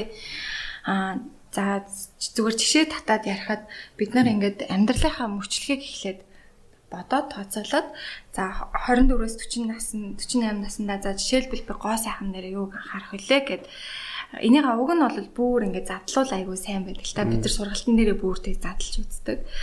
Аа тэгээд за 50-ээс би гоо сайхан дээр юу анхаарах вэ гэдэг юм те. Аа залуу насндаа манай гэр одоо бид нар бид нар тэдэн хүүхдтэй хам чи бид нарт ямар орон зай хэрэг болох вэ? А 50-аас дээш наснд ямар гэр орон хэрэг болох юм шиг юм уу? Эхлээд нэг юм том юм харж хэрэгтэй юм шүү. А тэгчээд бүр энийгээ ингээд жижиглээд бүр амьдралаа ингээд төлөвлөгөөнд оруулчвал бидний амьдрал үнэхээр амар болно. Жишээлбэл чамд жишээ нь одоо ойрын 10 жилийн ч юм уу 15 жилийн төлөвлөгөө гэдэг яг бүр ингээд задлаад ингээд бодоод суудсан төлөвлөгөө байдаг гэсэн үг үү? Байдаг. Тийм үү. А тэгтээ нэг одоо нэг хүмүүс ингээд ашиглаж байгаа ш нэг mind map гэдэг гэж байдаг шүү дээ. Монгол тийм байдаг юм лээ. Тэр нь болохоор нөгөө 9 хүслийн томьёо гэдэг онол байдаг. Бид нар нэг дандаа сонсдог штэ 9 цагаан өсөл нь биелэх болтугай гэлээд штэ. Энд чинь өөрөө монголчуудын mind map байхгүй. Онол тархины онол одоо хүнийг судалж хагаад хүн ийм л 9 төрлийн юм хүсдэг юм байна. А энээс илүү одоо хүсэх боломжгүй дутууч бас хүсдэг. Маа дутуу бол 6 хүслийг хүсэж болно ч гэдэг юм уу. Ингээ эренбэлцсэн юм байгаа хгүй. Энэ дотор нь одоо эрүүл мэндийн хүсэл гэж байна те. Хоёул тоол л тоо. За эрүүл мэнд. Эрүүл мэндийн хүсэл байна. За инх э, юу эдийн хүсэл гэж байна. Харилцааны хүсэл гэж байна. Боловсролын хүсэл байна. Тэгэл одоо хань ажилтэй хайр дурлалын хүсэл гэж байна. Эзэн эрхийн хүсэл гэж байна. Ямар хүслээ? Эзэн эрх. Одоо тий эзэн эрх. Гэдэг нь Одоо зэрэг дэв ахих бусдад Аа, өөрийгөө хүлээн хүлээн тий? зөвшөөрөх ч гэдэг юм уу те. Аа тэгээд энээсээ дээшлэхээр болохоор аа удамшилт ээлт хүчин болох гэд бас нэг тийм хүсэл. удамшилт. ээлт хүчин болох гэдэг. Аха. Энэ бол яг хүмүүс бас хөшөрснийхаа дараа ийм хөө юм хүсдэг юм л да. Одоо өөрийнхөө үр удмыг өөрийнхөө одоо сайн чанараа үр удамдаа үлдээх. Удамшилт ямар гэсэн ээлт хүчин удамшилт ээлт хүчин гэдэг зүйлийг хүсэх юм байна те. Нэр тийм ч юм уу те бас ингээл насаараа ба ажиллаж ажиллаж мөнгө олж олж явж явчаал хүүхд муухай муу яваад ивэл тэр хүнд ч удахгүй болох юм шүү те баг. тий. Тэгэл ер нь 9 хүслийг задлаад үзэх юм бол энэ дотор бас аюу сонирхолтой хүн бүр ийм далд ертөнцийг сонирхох хүсэл хүнд байдаг байгаа байхгүй. үү. Эсвэл шинжлэх ухааны нээлт хийх ч гэдэг юм уу те. Тийм ийм хүсүүд байдаг. Тэгэхээр э, бид нар эхлээд өөрийнхөө хүслийг хэрэглэх хэрэгтэй. Эхлээд тархиа зэгцлэх нь бас аюу чухал. М, Би нөгөө сургалтын дээр бас заад юм л да. Бид нарт ингээ гэр бүлийн зориг байх хэрэгтэй байхгүй юу? Жишээлбэл манай гэр бүлийн 5 жилийн зорилго бол ийм юм аа. Гэт энэ дотор аавын хүслийн ээжийн хүсэл зорж байгаа юм юм шүү гэд гэр бүлдээ ингээд тавьчихаар хүүхдүүд хүртэл өөрийнхөө хүслийг тодорхойлж сурдаг багаасаа. За тэгээд одоо гэр бүлийнхаа ингээ хүслийг гаргаж штэ тий. Тэгэхээр гэр бүлийн гишүүдэд аюу харилцаад хүртэл аюу амар болоод ирдэг. Аа манай хүн нэр ийм юмд зорж байгаа шүү. Манай их нэр ийм биш шүү. Хүүхдүүд хараад ээж а ээж ийм бас хүсэл байгаа юм байна гэд ботх нь бас айгүй чухал юм. Энд чинь айгүй олон талын юмыг бас гэр бүлийн орчинд ойлгуулж идэг. Аа жишээлбэл хүүхдүүд чинь ингээд нөгөө ээж л ингээд гэрт бараг ингэ зарц юм шиг бараг тийм болгоцсон хүмүүс үү штэ тий. Ээж л бүх хоол унд хийгээл ингээд бүх юм. Гэтэл ээж хүн гэдэг чинь өөрийн гэсэн орон зайтай, өөрийн гэсэн хүсэл мөрөөдөлтэй хов хүн штэ. А тийм учраас ээжүүд энийг ойлгохын тулд нөхртөө ч гэсэн тийм магадгүй. Миний одоо энэ жилийн зорилго юм байгаа. Тийм учраас одоо эрүүл мэндийнхаа хүсэлтээр би ээж нь фитнес тип маргаа. Тийм учраас надаа 7 хоногийн тэт өдөр би ингээд явна шүү гэдэг хэлчихэд ойлгочихж байгаа байхгүй. Тэгэхгүй ингээд ээж нь фитнес явлаа. Яах гэж ч фитнес явах гэдэг ер нь ойлгохгүй шүү дээ, тийм. Тийм. Тэгэхээр ингээд эхлээд зорилгоо тодорхойлцохоор жишээлбэл Монгол айлууд ихэвчлэн хүүхдүүд өсвөр насндаа ирэхээр бид нар хүүхдүүдээ гэрээсээ алддаг байхгүй. Найз нөхдрөө PC тоглоом руу ингээл нэг юм руу. Яагаад алдаад байгаа вэ гэхээр гэр бүлийнхаа зорилгонд ерөөсөө уйж өгч чадаагүй нэг юмыг олж хараагүй шүү дээ тэр хүүхэд те. А гэтэл эрэгтэй хүүхдийг миний хүү 60 наснда 60 нас хүртэлх амьдралаа тодорхойлцгоо. Чи амьдралаа яг тоглоом гэдээ ойлго. Чиний ялтын цэг тэнд байгаа. Чи яг юун зорж байгаа? Генерал болмоор байна уу гэх юм уу те. А тэгэх юм бол ингээд одоо хуваахан нь шүү дээ. Эхлээд миний хүү тэгвэл ийм мэрэгжил эзэмшээд ингэж ингэж ажиллах юм бол чи энд хүрэх нэ ч гэдэг юм уу. Нэг юм уулын өндөрлөгийг бас эрэгтэй хүүхдүүдэд жишээлбэл харуулах нь чухал байдаг. Мм. Тэгээд эмэгтэй хүн бол мэдээж гэр бүлийн дотоод ингээд асуудлыг аявуух хариуцж авч явж байгаа дээ. Хоол, унд ингээд аявуух асуудал шүү дээ. Тэгэхээр энийг ерөөсөө цэгцэнд оруулаад төлөвлөчгээд л ерөөсөө маш амархан болдог байхгүй. Тэг гэрийн дүрмээ гаргачих ч гэдэг юм уу те. За хоолны ширээн яар бүгдөө яг 6 цагт хоолоо иднэ. Хоолны ширээний ард утас үзэхгүй. Ямар нэгэн дэлгэх зүтж жаад хоол идэхгүй. Хоолны ширээний ард дандаа тийм санхүүгийн асуудал хизээч ярихгүй ч гэдэг юм уу. Энэ дөрмүүдээ ингээ гаргачвал айгүй амар болдог. За тэгэл хоолоо хүртэл төлөвлөж болно шин. 7 хоногийн хүмүүсний чигсалтаа гаргаад энэ ингээд айгүй олон юм хэлбэрчилдэг байхгүй. Нэгдүгээр одоо илүү хоолны үлдэгдэл гарахгүй. Тэгээ эдийн засгийн хувьд хэмнэлттэй. Тэгээ юмаа харчин. Тэ тэгээ гэрээ бүх гişүүд а маргааш ээж тийм хоол хийх юм байна. Маргааш ингэ юм байна гэх юм гоё гэр бүлийн өөр амьсгал хүртэл их гоё болдог ч тийм. Манайхан нэрэл бодоод хахад яг ингээл гэр бүл нэгдмэл бид бол нэг гэдэг мөртлөө хизээч яг тэр нэгдсэн юмаа ширээн дээр ярьдгүй юм шиг те. Амар тустай байдаг шүү дээ. Харилцаандаа дандаа юм хаалттай. Одоо тийм айлууд айгүй олон байгаа те. Хүүхэд нь ингээл чив чимээгөө хол идчихэл өрөөлөө өвдөв гэж яваад өгдөг халгаачдаг. Ээж аав нь яхаа мэдхгүй те. Тийм шүү дээ. Манай ирчүүд ялангуяа одоо тийм шүү дээ. Диваны хоорд ингээл хоолой байгаад суучна. Гэр бүлтэйгээ ярихгүй хаа. Гэтэл эцэг хүний хүүхдтэй тэр харуулах өнцөг гэдэг чинь бас амар чухал байгаа тийм шүү дээ. Хэдийгээр аав үргэлж ээж шиг ингээ хүүхдээ ингрээсээ зүүдгүү ч гэсэн те хүүхдтэй нэг харуулж байгаа үлгэрлэл өөрөө амар чухал байхгүй. Өнөөдөр хоол үнэхээр гоё амттай болчих чи харин өнөөдөр аягаа угаачих ч гэдэм үү те. Ингээд хэлэхэд л хүүхэд а би ирээдүйд ихнэрээ ингэж хайлах хэрэгтэй юм байна гэдгээ ойлгоо шүү дээ. Одоо нэг юунууд байгаа юм те.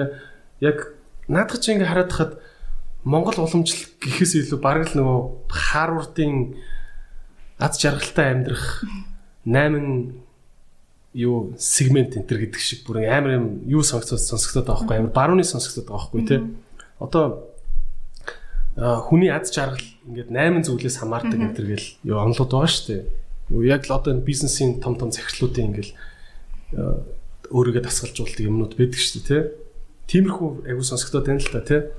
А чамд тийг санагддаггүй одоо жишээ нь Монгол уламжлал уламжлал гэдэг юм бид нар бас яг нь уламжлал эртээр үеийн энтер гэдэг үгийг ингээд сонсохоор за за хүмүүс хэрэггүй байх гэдэг амар олон хүмүүс ингээд хайчдаг те. Тэгээ заавал нэг Харвардаар хэлүүлж ийж нэг үний юм шиг бодох гээд идэг те. Тийг санагддаг? Тэгдэг. Гадны юм болохоор л айгу мундаг юм шиг те. Гадны юм гэхээр л айгу сайн гэл. Тэгэл амар энээс олж алтаан төрж байгаас зөндөө зөвлөх шин. Одоо чиний жишээ нь сая түрүү ярьжсэн ханаа зөв сонгох нь эмгтэй хүний дэ аз жаргалын баг 80% гэд хэллээ шүү дээ. Яг наад 80% гэдэг чинь уг нь бол Харвардын миний л уншсан Харвардын happiness study гэдэг амар том судалгааны яг дүншгэл сонсогдод байна л да тий.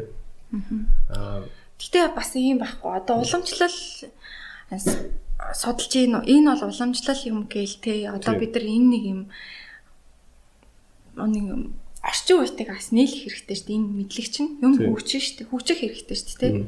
Тэгэхгүй бол ингээд эртний үед одоо машин байгаагүй үеийн юмар ингээд ярьж болохгүй үст. Тэгэхээр эн чинь орчин үетэйгээ бас тохирсон юмар л бид нар судлаж ингэж гаргаж ирж байгаа гэсэн. Yes тэгээд ер нь бол ёс уламжлал орчин үе бүгд нийцэх ёстой нь бол үнэн те. Гэтэ надад бас ингэж санагдаад байхгүй юу? Аа Монгол гэдэг юмаа бид нар сайн томьёолоогүй учраас яг Монгол юм гэж юу юм гэдгээ томьёолоогүй учраас ингээд нэг юм хээрийн хөдөөний тухгүй шороотой ийм байдлыгаа бид нар юм Монголын нүүдэлчин байдал гэд ингээд айгу буруу ойлгуулад та зөв шал миний л бодол ч тийм би бас өөрөө чинь бас үнцгийг сонсомоор байна. Жишээ нь ингээл төмс зарахаараа заавал ингээл шороотойгоо байхаа байж ижил нэг Монгол гэдэгт нь итгэдэг те. Эсвэл хоол хийсэн ч гэсэн нэг ингээд тухтайхан шиг айтайхан хийчих болох юм дээр заавал ингээл нэг юм хээрийн байлгаж ийж те. Жоохон ингээл түлжээч ч юм уу эсвэл Монгол болдог ч юм уу те. Мэдгүй одоо тий хоолн дундаас нэг ус гараад ирлээ гэхэд за зүгээр штэ угаасаа Монгол хоол ийм л байдаг штэ. Юундаас хичгэлтгий ингээл ингэдэг те үнэхээр монголчууд ингээд дандаа ус түүж идээдсэн юм аа хоолоо гэж бас бодогдод монголчууд ч юм одоо ингээд уг нь бол амар цэвэрч нямбал хүмүүс байсан юм шиг сонсогдод идэг боловч жоо хандуурагдаад идэм санагдаад байхгүй өөрчлөний хувьд яг ингээд за яг энэ бол нэг тийм амар монгол юм биш шүү. Одоо энийг болоо ч юм уу те. Гэмэр тийм юм байдаг уу? Бид нар андуураа яваад байгаа юм. Аа, тиймэрхүү зөндөл харагддаг. Ер нь бол. За юу байна чинь яг би дөнгөж сайн чиний хэлээ. ярьж байгаа дээр нөгөө надад орж ирснээр нь зүгээр хариулчих гэж бодож байна. Нэг уламжлал гэхээр л те бүр нэг амар ингээл хитрээд идэв штэ. Эсвэл бүр ингээл Монгол гэл тэгэхээр нэг юм бараг харанхуй бүдүүлэг байх ёстой юм шиг нэг юм хоёр талтай байгаад нь штэ.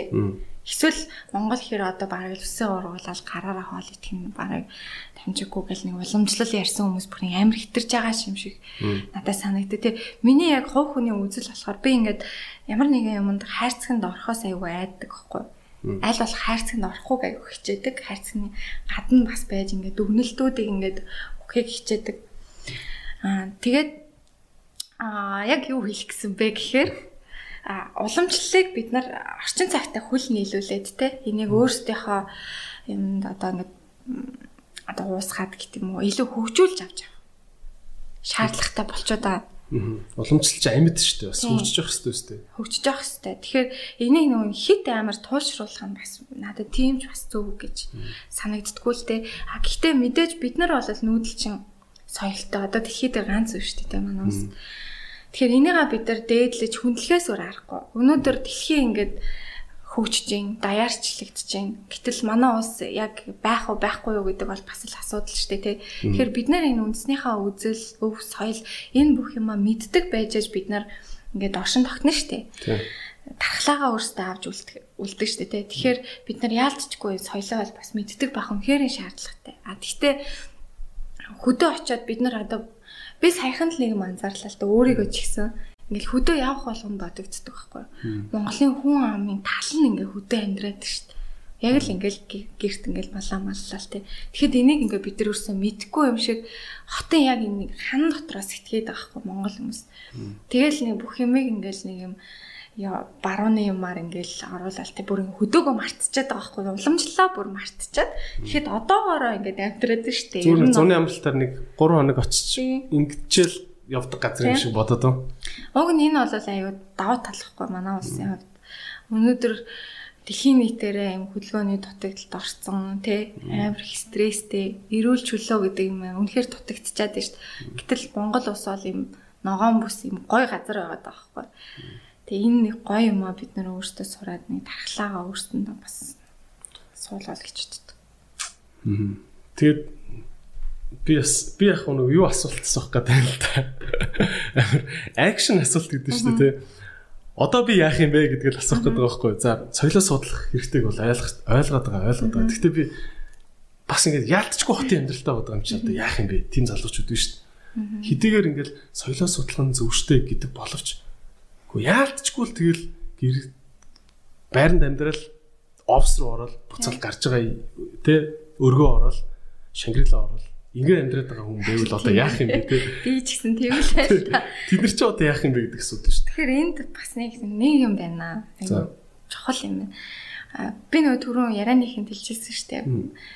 Хүнээ мартцсан ус байгаад байна гэдтэй. Тэгэхээр өнөөдөр манай улсад бодлого байхгүй байхгүй юу? Монгол хүн гэсэн нэг юм бодлого. За жишээлбэл те Японд хүүхдүүдийг 4 настай хүүхд ингээд цэцэрлэгт орохт нь за чи бол Такаши биш ч бол Япон хүн гэж ингэж хүмүүжүүлж хэлдэг штеп. Тэгээ тэд нар чи ямар тэр нэг үндэснийхаа юмыг авч авдаг нэг соёл нь ингээ байгаа л гэдэг штеп тий. Хідэн амар өндөр хөгжилтэй улс ч гэсэн. Гэтэл өнөөдөр манай улсад болохоор за Монгол хүн энд зэрж байгаа шүү. Монгол хүүхдийг ингэж хүмүүжүүлнэ гэсэн юм байхгүй байхгүй. Байхгүй айгу олон жил явчихж байгаа байхгүй. Тэгэхээр бид нар хаашаа зорхоо мэдгүй. Өөртөөхөө онцлогийг ч танихгүй. Яг нэг юм нэг нэг шовдор хүүхчигтэй ингээд байгаад хаа болохоор бид нар инкээс ерөнхийдөө бол яах юм гэтээ яг харин ч нэг юм бас харьцангуй нэг уламжлалаа авч явдаг арт хүмүүс учраас бас гайгүй байгаад байгаа болоо гэж. Тэгээд одоо яаралтай Монгол хүн гэдэг энэ бодлого зорилгоо манай улс ингээ гаргах гаргах бүр үнхээр шаардлагатай. Аль аль та. Окей. Тэгвэл эмгэлэгчсэн. Тийм. Тийм. За. Би нэг манай нэг найз сэтгэл судлаач байдаг байхгүй. Тэгээ бит хоёр нэг манай нэг хамаатай дүүтэй ярилцсан чинь тэр айгу сони юм ярьсан. Тэгээд бид нар нөгөө сэтгэл готрал гэж юу юм энэ ярьжсэн чинь би ингээд сэтгэл готарж үзчихсэн. Манай найз нар ч гэсэн аюу сэтгэл готролд орж исэн. Би ингээд нохоо мохоо аваад тийжээж ийж ингээд гайгүй болсон гэж тийжилж байгаа байхгүй. Тэгсэн чинь ингээд амар сонир санагдаад би энэ яг юунаас асан гэж бодож ин гэсэн чинь мэдхгүй би яг хөө ингээд англи хэлтэй тулдаа YouTube нар ороод ингээд судлаад сэтгэл готрал гэж юм өвчин байд юм байна гэдэг мэдээд ингээд энэс гарсан. А манай найзууд ингээд мэдгүй хүмүүс бас зөндөө байгаа. Зарим нь ингээд бүр эмэнд хүртэл орж байгаа гэдэг ч аахгүй. Тэг бид нар ерөөсөн юм үн цэн гэдэг юм а ерөөсөн ингээд бүтээж чадахгүй тий. Төр засагтаа ч итгэж чадахгүй нэг юм ямар ч итгэлгүй ингээд яваад байгаа болохоор бүр одоо хүүхдүүд бүр ийм болж эхэлж байна. Тэгэд аюу тийм амар судалгаа гарсан мөлий. Монголчин амиа хорлолтоороо дэлхийд 3-т орж байгаа юм л дээ.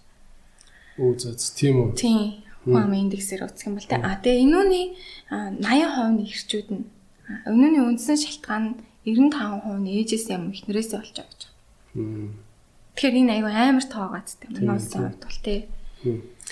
Маа нэг цагтаа найз ярьжсэн. Би нөгөө амар залуучуудаа гой үлгэр дүүрэл ухааны гигэн хөслөр юм ярихгүй юу? Найс нь ингээд энэ хойдлын ингээд гэр ороолын цаагуурчин ингээд юм уулууд байгаа шүү дээ. Уулны ингээд орой дээр ингээд юм төрникнүүд бариад тэг ингээд дээшээ гүүж гараад төрниктээд тэг гой вью хараад ингээд залуучууд цуглардаг иймэрхүү юм хийвэл яасан гэсэн чинь хөшөө хүмүүс гараад өөргөө дүүдэлж штэ гэлж байгаа юм. Аюу их үүдэг ингээд нөө мобикоми антин ментен нас ч очиод үүсэлж гэдэг байгаа юм. Харин аюу их байдаг гэсэн. Тэгээд энийг ячаал бүр сүүлийн хэд хоног бүр натаа үнэхээр толгооноос гарахгүй яваад байгаа байхгүй. Тэгэхээр нөгөө эмэгтэй хүмүүс бид нар л одоо 20 30 жилийн дараа манай улс ямар байхыг бид нарын гарт байгаад байна шүү дээ тий. Тэгэхээр ядаж урт хурдх одоо төрөөсөн хүүхдүүд айгуу гой зөв хүмүүжүүлж л та. Айлын хүүхдүүд нэг хэрэгтэй өгч гисэн хэлээд өгчээл та тий. Тэг ингээд явмаар байгаа байхгүй юу? А тэгээд манай одоо улсынхан ч гэсэн одоо ингээд Кембрижийн хөтөлбөр хөтөлбөр гэлтэй. Аа бид нарт ингээд маш их юм байгаа. А манай бүр гэрлийн өргөө гэдээ бэлхэн болоод бүр хүүхдийн аа сургалтын хөтөлбөрийг хүртэл ингээ боловсруулад явж байгаа. Тэгээд бид нар бол үргэлж нээлттэй байна. Одоо яа мам энэ хичээл дээр яаж ажиллах вэ? Бид нар бүх аргачлалын бүх юм ингээ хийж өгч болно. А миний хувьд болохоор зургийн хичээлийн хөтөлбөрийг хариуцаж нэг хэсэг ажиллаж байгаа. Тэгээд одоо ингээд төр орхицсан байгаа л да. Энд ч юм бас айгүй хүн хүч ингээл хөрөнгө санхүү шаарддаг ажиллагаа ганцаараа хийнэ гэдэг бол амар хүнд. Тэгээд ингээд орхицсан байгаа. Гэхдээ энэ бол үнэхээр жинхэнэ Монгол хүнийг өгж өглөхтэй бидний тархинд тохирсон сургалт бол байгаа. Нараа андын хувьд бол яг хувийн амьдрал нь бол ямар ч нэг тийм Монгол уламжлал яриад хүн амьтан цуглуулад ах шаардлагагүй амьдралтай ч миний л мэдхийн те. Тэгээд чаав ингээд энэ дэр ингээд баг ингээд амар ингээд Монголын өв уламжлалыг ингээд түгэх хэрэгтэй байна гэд ингээд те ийм байдаг ч юм бас ингээд гайхаад байдаг байхгүй. Тэгээ энэ хаанаас гарч ирж байна яг ээж хүн болоод ингэж гин үү те яаж ин тим амир имзэглүүлэхээр байгаад байна уу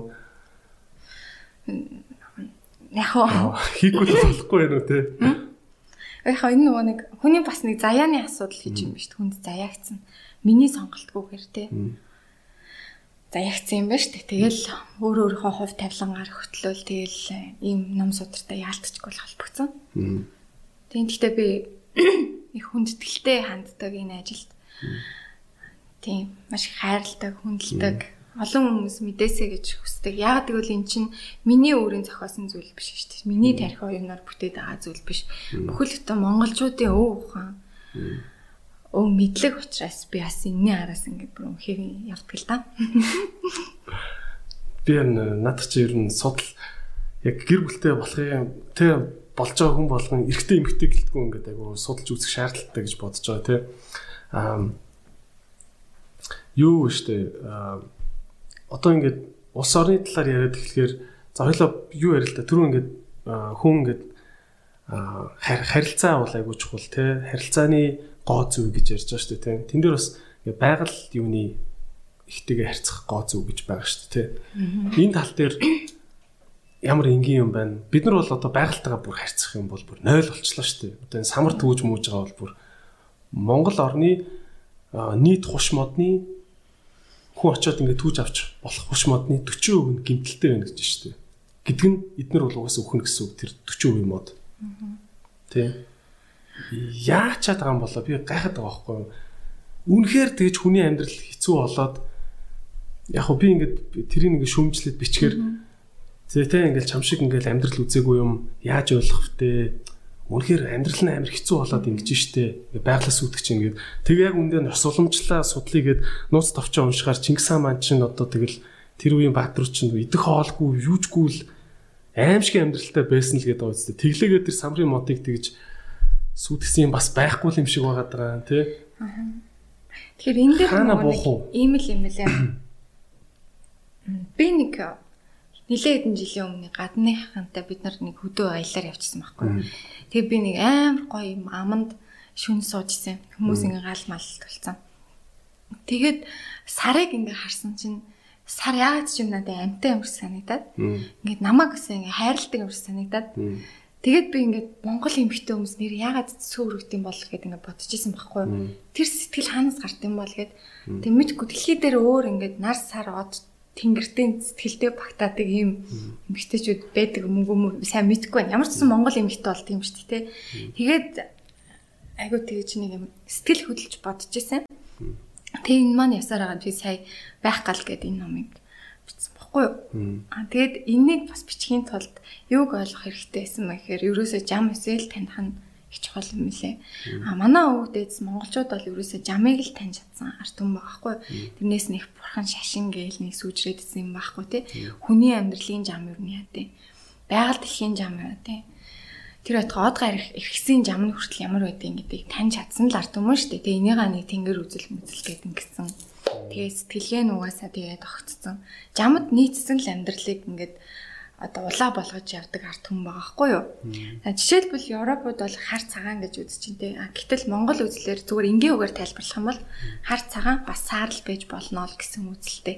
Бид нар байшин байраад амьдарч болох байсан хэдий ч хацуурын байгуулж болох байсан хэдий ч байгалыг сүтгэхгүйгээр Гэтэ бас өөртөө дарахгүйгээр ингээд дундуур нь амьдрчയോ гэдэг нэг юм амьдралтай арт юм байхгүй. Тэгэхээр эн чинь ерөөсөө жаманд нийцсэн амьдралыг л ер нь бол байхан байр байшин барьж чадахгүй дээ биш үү? Тийм чадахгүй дээ биш. Тэ. Тэгээд эн чинь орчин нөхцөлтөөс тохирсон л арга барилах байх л та. Тэгээ энэ номыг эхлэхдээ би уул ус агаар гурвыгаа хаан болгосон улс устгагдан мөхөн гэж үгүй гэдэг тийм үгээр бас эхэлсэн. Тэгээд ер нь байгалийн бүхэл юм юм өөрхтэй байгаа ш. Ямар нэгэн зоригтой байгаа ш. Ялаа хүртэл зоригтой. Жам гэдэг үгийг яг юу гэж тайлбарлаад байна? Жам гэхээр ингээл амар юм бид нар юу ч хийж чадахгүй угаасаа л биднээс ямар ч хамаагүй байгаль дэлхийн ертөнц явдгаараа явна гэдэг нэг юм хүн төрлөختө өвчгүй юм шиг сонсогдох гээд байна л да. Зүгээр эсрэг талаас нь харуул те. Жамыг дагаж амьдрын жамыг тань гэхээр одоо юу сөв? Яг тэ одоо жам гэдэг чинь эрэгтэй эмэгтэй хоёр хүн байгаа нь өөрөө жам биз дээ. Тэгээ энэ хоёр хүн чинь хоорондоо гэр бүл болоод үр хүүхэд төрдөг нь бас л жам тий. Хүн өгтг нь үнэн энэ бол жам. Тэгэхээр нэг юм амьдралын үнэн юмнууд байгаад шүү дээ. Бодтой зүйлүүдийг жам гэдэг юм шиг байгаа. Ер нь бол тийм өвөл бол болно шүү дээ. Тийм тий. Тэгэхээр тий. Тэгээ яг энэтэй адилхан жишээлбэл хүн өөрийн гэсэн өөрөгтэй төрсөн л байгаа. А байгаль их дэлхий бид нарыг бүтээсэн юм бол сүйтэг гэж л бүтээг өгнө ойлгомжтой шүү дээ. Тэгэхээр хүн оюун ухаантай байгаад энийг түгээн дэлэг одоо бид нар мод тарьж чадсан шүү дээ. Дэлгэрүүлэгч нь байгаасаа л гэж хүнийг хүн төрлөختнийг бас бүтээсэн байлгүй. Тэрнээс сүйтгэж гэж бүтээг өгвөл ах. гэдэг яг өнцгөөс нь л ярьж байна та. Тийм. Эсэ. Эсэ. Аа чамд тэгвэл одоо тэ ингээд чи болохоор өөрийнхөө ингээд бас төрсэн зорилгоо ингээд тодорхойлж шít тэ. За сүтэг гэж төрөөгүй хүн бол ингээд бүтээх гэж төрсэн тэ. Аа чи өөрийгөө болохоор яах яах гэж төрсэн гэж үздэг вэ? Бас нэг тэгэл өөрхтэл байгаа л гоо. Ямар өөрхтэй гэж үздэг вэ? Наа ямар ч байсан 3 хүү байна те. 3 хүүгийнхаа сайн ээж нь настай. 90 цент бол хүргэн. А тэгээ миний өөрийн хувийн зорж байгаа улс их орноос хэрэгтэй зүйлийг нэг ч гэсэн хүнд хэрэгтэй нэг зүйлийг нь хилээд өгч юмсан. Энэ ном судруудыг илүү олон түгээх юмсан гэж бодож чаддаг. Гэхдээ энэ судрууд маань зөвхөн бас Монголд биш. Ер нь бол хөх толботон болгонд бас тарах ёстой гэж боддог. Тийм тиймэрхүү ажлууд аль юм дээ. А тэгээ ер нь зүгээр миний үүрэг бол а байгаль байгалийн л нэг хэсэг штэ тий.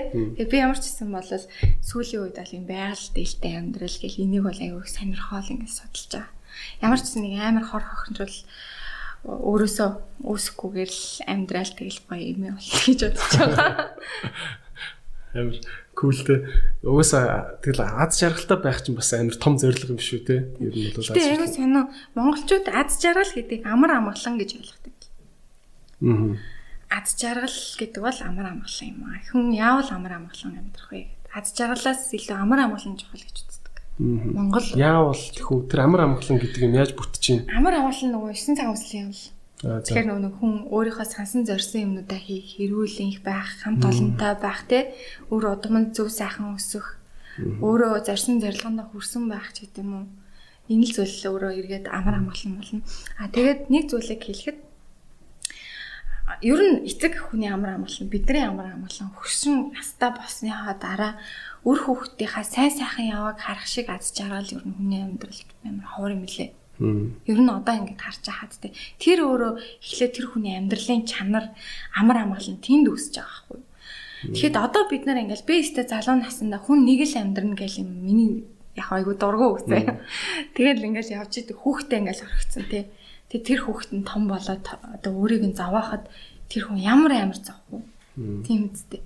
А гэтэл өөр хүүхдүүдээ суур төлөвшлийн айгу гоё амьдралынхаа учрыг олцоод ингээд нэг гоё сэргэлэн амьдраад настай болсныхаа дараа бүх юмыг аюу гой зөв зохион байгуулж чадсан байвал тэр өөрөө амар гой амар амгална. Тэгэхээр одоо байгаа залуучууд хэдхэн жилийн дараа нэг тэ 60 мар хүрчээд ямар их аз жаргалаа алдаж эсвэл авч болох вэ гэдгийг айгу дутуу үнэлээд байна гэсэн үг те. Яг үнэ. Тэл гэр бүл гэсэн тэгээ их нэртэй болсныгоо нэг амар хэцүү юмтай болцсон юм шиг бодоол ууг нь ингээд чамааг ингээд үржүүлж штт. Бүр ингээд ганцаараа боддог гэсэн бол хоёулаа бодох амар гоё штт. Хантай болох тий.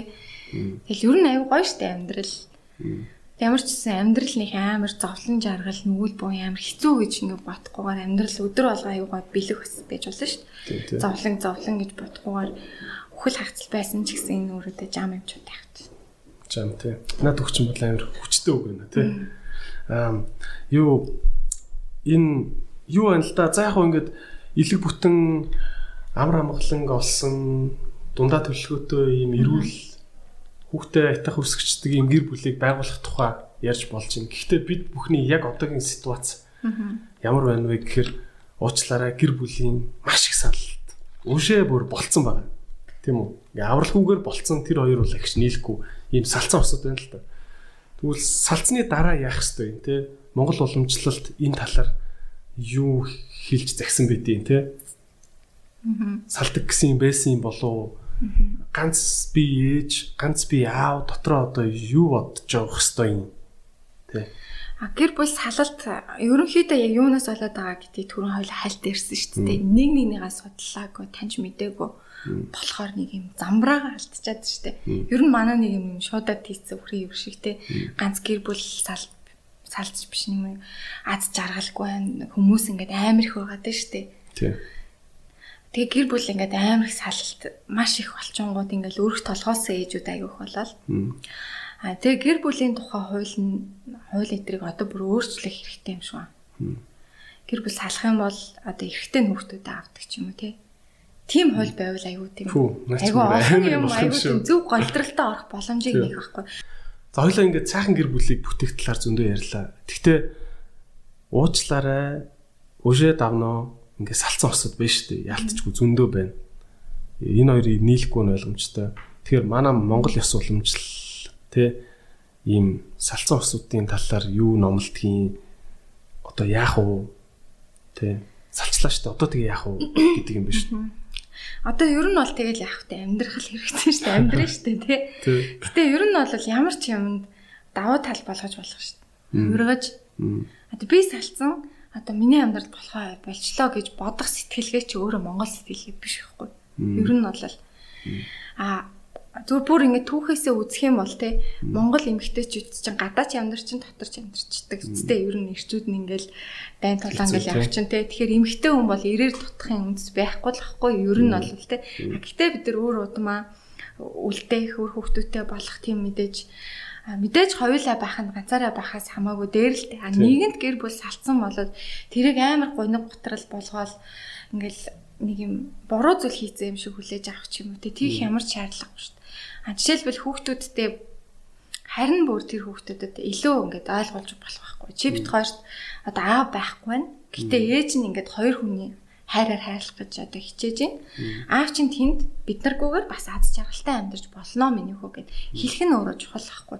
А тэгэхгүй тэр станыг юм ингээ хаяа явцсан. Тэгэл тэр хүүхдэд айгүй юм хэцүү юм өгөөл те үгээрээ эсвэл аав чинь модоос чамайг санаал тас хэцүү байгаа үз гэд хэлэх ч юм уу. Тэр чинь л ингээ хүүхдийг аюу хэцүү байдалд оруулаад идэх байхгүй. Болно штэ миний хойлоо илүү хичээл та тэг болно штэ гэл ярилцаж болно штэ. Монгол цоглог болон бүтэн гэсэн те. Ер нь тэгээд ер нь юмыг болоо бий даасан. Тийм илүү дотоод бодолтой. Тийм хүмүүс бас байж болно. Тийм. Монголын түүхийг уншаад хахад тэгэл бас хин надад хэлж үтэй юм ярьж хахад тэгжсэн л та. Хаан төр гэж бол байдгаа. Ингээ хаан хүн улсыг өдөртөө явдаг. Гэхдээ яа харахгүй ингээд нөх хорвогийн жам гэдэг шиг тэр эрэгтэй хүний хаан хүний биеийг гүцэхгүй, нас нь гүцэхгүй ингээд дандаа юм завсар гард юм байна л да. Тэгээ тэрэнд нь ингээд түүх харахаар Монгол эмэгтэйчүүд дандаа юм төрийг гагнж явдаг, юм гагнуур болж явдаг гэж ярьдаг. Тэ? Байхгүй юм залхуулдаг. Нэг тийм. Тэгэхээр хоёулаа л байж иж л угаасаа төр байна. гэж ярьжсэн. Яалтчгүй жам юм чинь. Тий. Одоо нэг хоёр хөхтэй боллоо. Одоо манай подкастн дээр эн чинь болохгүй юм чинь болохгүй. Тэгэл одоо жам штэ. Нөө тавилын юм да гэдэг шүү. Жам юм да. Одоо яах вэ? За Викторийн бас ярилцлагын цаг ерөөхдөө жоохон өндөртөх тал руугаа хандаад байна. Би бас зөндөх юм ямар нь түрний бас байгаль орчинтой холбоотой юм дэр ямар юм л да. Би одоо ямар ч юмтэй гэж яг үндэ ингэж яхаа мэдгүй болчиход байна л да. Yes хүмүүсийн амьдрал айгүй хэцүү байгаа. Гэхдээ ингээл модоос хүүтгэн байж уг нь хайрлаад тэр самрыг авч болохгүй гэж хэлээгүй шүү дээ. Гэхдээ хайрлаад тэр модыг 60 жил самрыг авч болох юмыг очоод мунаар цохоод нүдэд мөөгөн сэртүүлээд ялцруулаад 2 3 жил самар аваад нөгөөт нь өгч шүү дээ. Энэ дэр бид нар одоо яах ч ёстой юм те Зарим хүмүүс бол тэгээд байгаа байхгүй. Тэг үнэхээр хэцүү чи одоо яах юм бэ гэл ингээд юм те. Таны ном дээр бол тийм биш шүү дээ. Бүр Монголд мод тэр байтга бүр цэцэгтэй харьцах ёс гэд байд юм л шүү дээ. Яах вэ? Цэцэг цэцгийг яах юм? Ер нь бол бүгдийг ам гэж үздэг шүү дээ монголчууд. Жишээлбэл нөгөө цагаан хоолт хүмүүс ярьдаг шүү дээ мах иддэг аим муухай гэлтэй.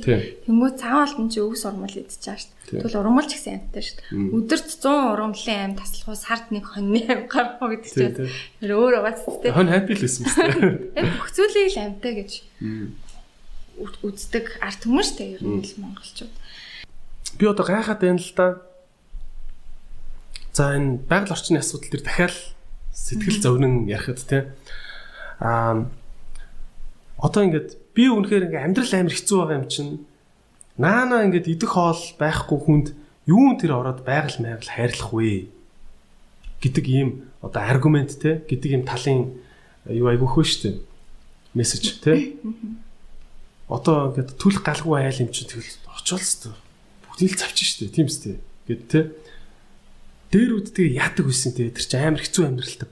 Юу одооны амьдралаас хэцүү аллах талхтай л амьдрал байсан те. Тэг яаж хүүхдүүдэд тэгээд нэг ойлоо ороод ингээд мод завчдаг завчдаггүй хүн болгоч хүмүүжүүлж болоод исэн те. Аа тэр үед чинь бид нар байгаль дээр амьдарч дээ. Нийглийн соёлоороо байх ш. Тэгэл аргалаа түгэл галаа төлчин. Мотонд байгаа унсан модноо аваад түүчинтэй. Аа тэнгууд энэ суурин соёл иргэншил гэдэг чинь өөрөө дандаа юм юмыг байхгүй болгож ингэж юм бүтээгээд байгаа хгүй ерөнхийдөө бол тий. А одоогийн нөхцөлд яг үнэхээр гэр нь ингээд галгүй төлөө нүүрсгүй байгаа хүмүүс мод аваад авчаал бас өөр хэрэгэлтэй. А гэтэл ингээд бүр улсын бодлогоороо тий байгаль сүтгийг ажиглах гэдэг бол арай дэндүү харамсалтай зүйлхгүй.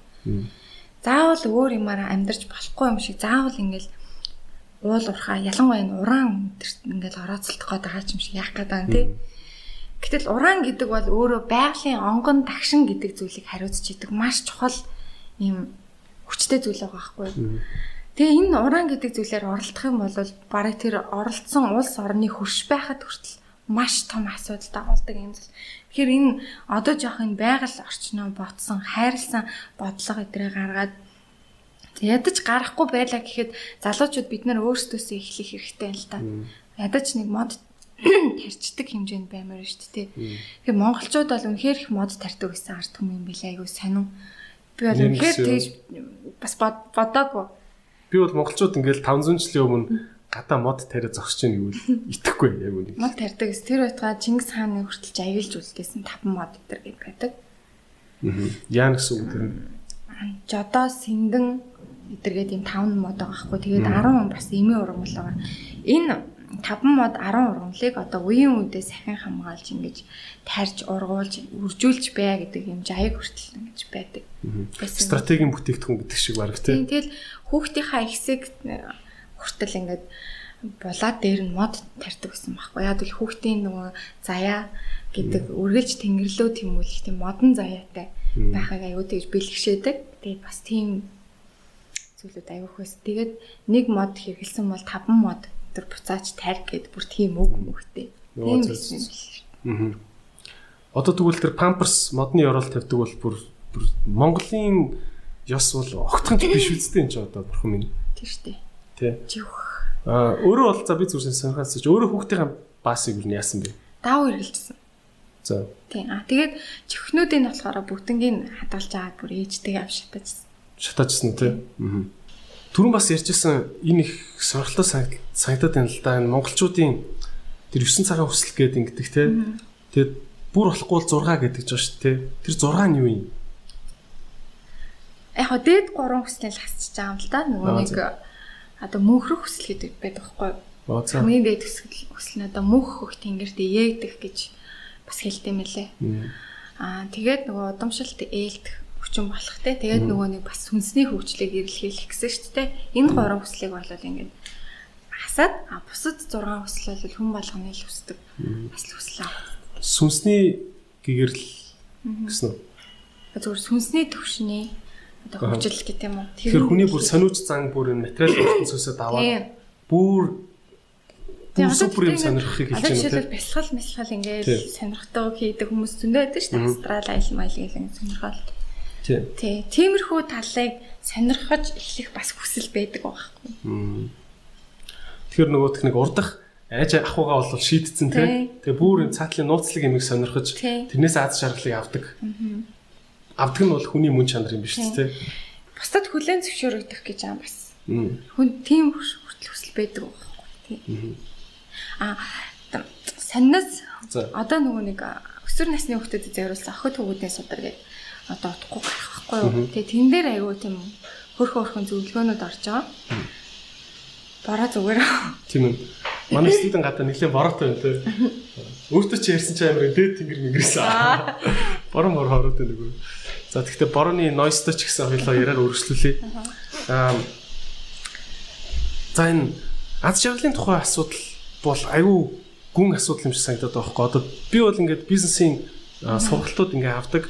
Тэн дээр тэн дээр бас хилээд байгаа байхгүй. Яг энэ төлөвлөгөөг яг өөрөө чи ярьж байгаа Монгол уламжлалыг ярьж байгаа юм шиг мөртлөө яг л амар барууны нэг сонсогдоод байгаа юм нь яалтчгүй хүн өөрөө өөрийнхөө төлөвлөгөө гаргахтаа ингэж задлж ийж те. За би бол төлөвлөгөөг 8 задлж хийдэг байхгүй.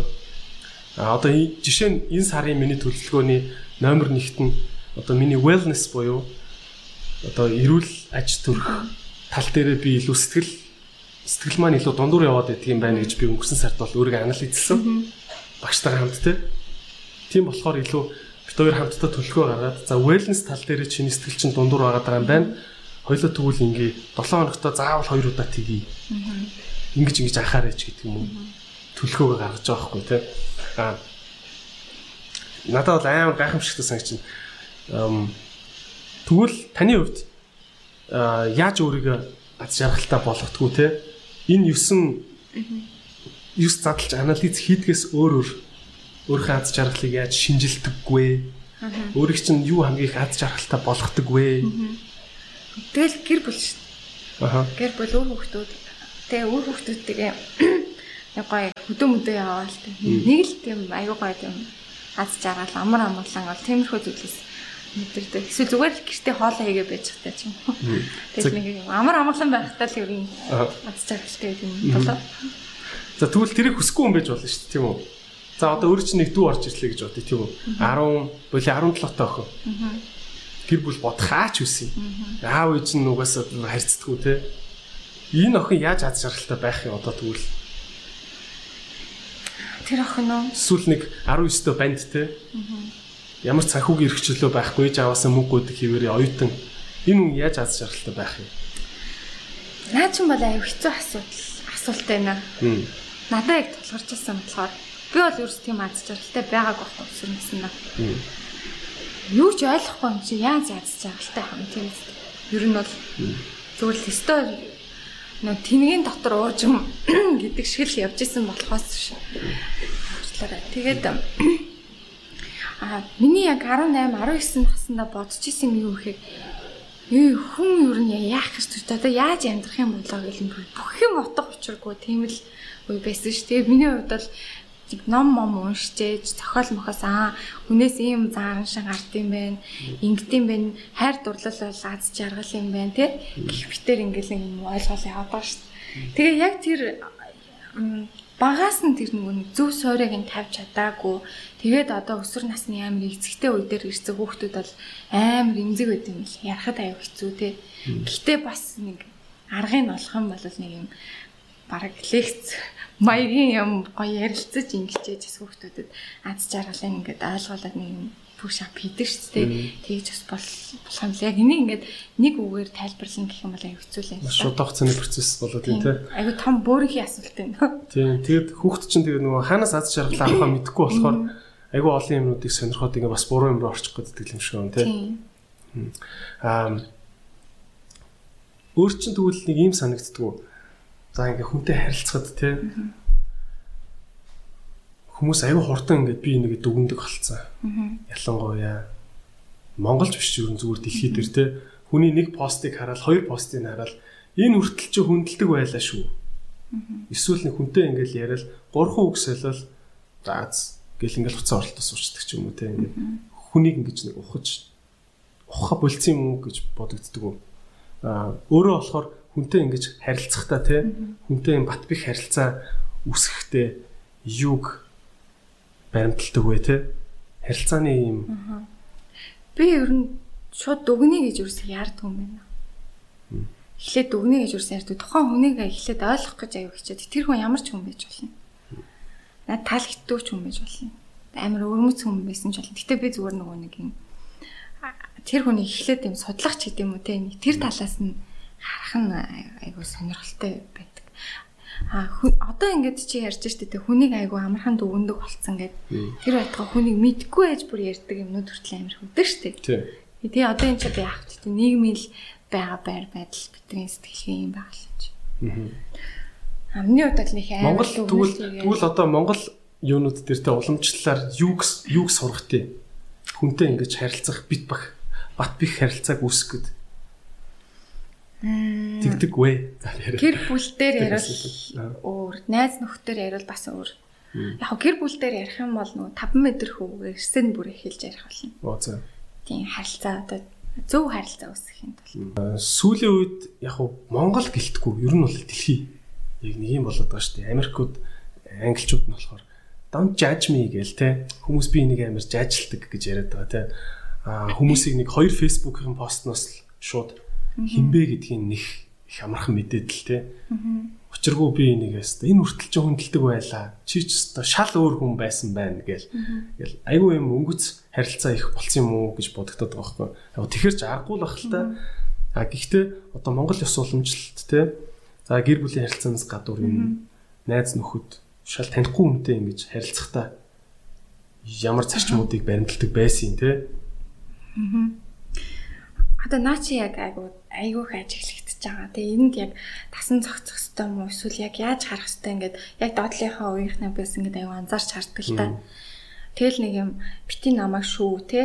Гэл эсвэл би хүн болгон таалагдах халбгүй гэл нэг ийм хандлага амар их болоод байгаа шүү. Би өөрийнхоороо байна гэл те. А гэтэл Монгол ухаан бол чи хүнд таалагдах ёстой албатай гэж боддог байхгүй. Ялангуяа гэр бүлийнхэндаа. Ээжтэй, аавда, ах トゥ удээ а найзуудтай. Яагаад гэвэл энэ хүмүүстэй чинь насан турштай холбоотой амьдрна. Энэ хүмүүс чамд аюух юм өгсөн шүү дээ. Юм баг бизнесийн харилцаа шиг байгаа байхгүй. Энэ хүмүүс чамд тижээж ин өсөж өндөлөж ин те боловсрлаа чи өгүүлж өгч ин тэгвэл чи гэрээ цэвэрлэх ёстой л байхгүй юу? 18 настай хөлт ийм юмыг ухамсарлах нь наа захын асуудал эцтэй те. А Монгол ухаанд бол шууд ингэж л үздэг. За жишээлбэл найзууд дээр яриа л та тий. Эрэгтэй хүүхдийг яг эрэгтэй эмэгтэйгээр нь ярил л та. Эрэгтэй хүмүүс гэдэг чинь энэ нийгмийн ерөнхийдөө бүтээн байгуулалтын чиг хандлагыг ингээд авч хариуцж авч явдаг шүү дээ тий. Тийм болохоор хоорондоо найзлах, анд болох тийм хэрэгцээ эмэгтэй хүмүүсээс айгүй илүү та нарт байдаг шүү дээ.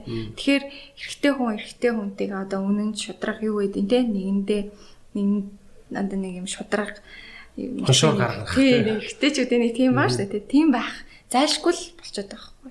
Яагаад гэвэл эн чинь тэгэл нөгөө нэг бас мөн чанарын асуудал байгаа ч тийм. Гэтэл эмэгтэй хүн хизээч андман гэл нэхгүйгээд байдгүй шүү дээ. Бид нар бол гэр бүлтэй болоод үр хөвгөд нөхөр гэр бүлийнхэн л чухал болдог болохоос гэрийн дотоод асуудлаа хариуцах нь илүү чухал.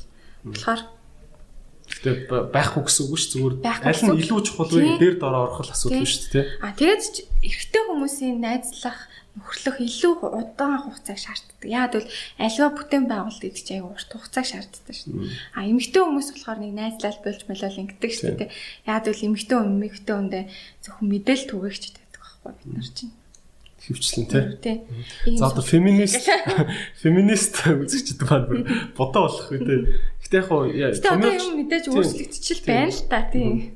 Зүгээр томьёолч томьёолч ингэж ерөхий хэлж байгаа болохоос шүү дээ. Мэдээж нуанс бол юм болгоно байгаа. Окей.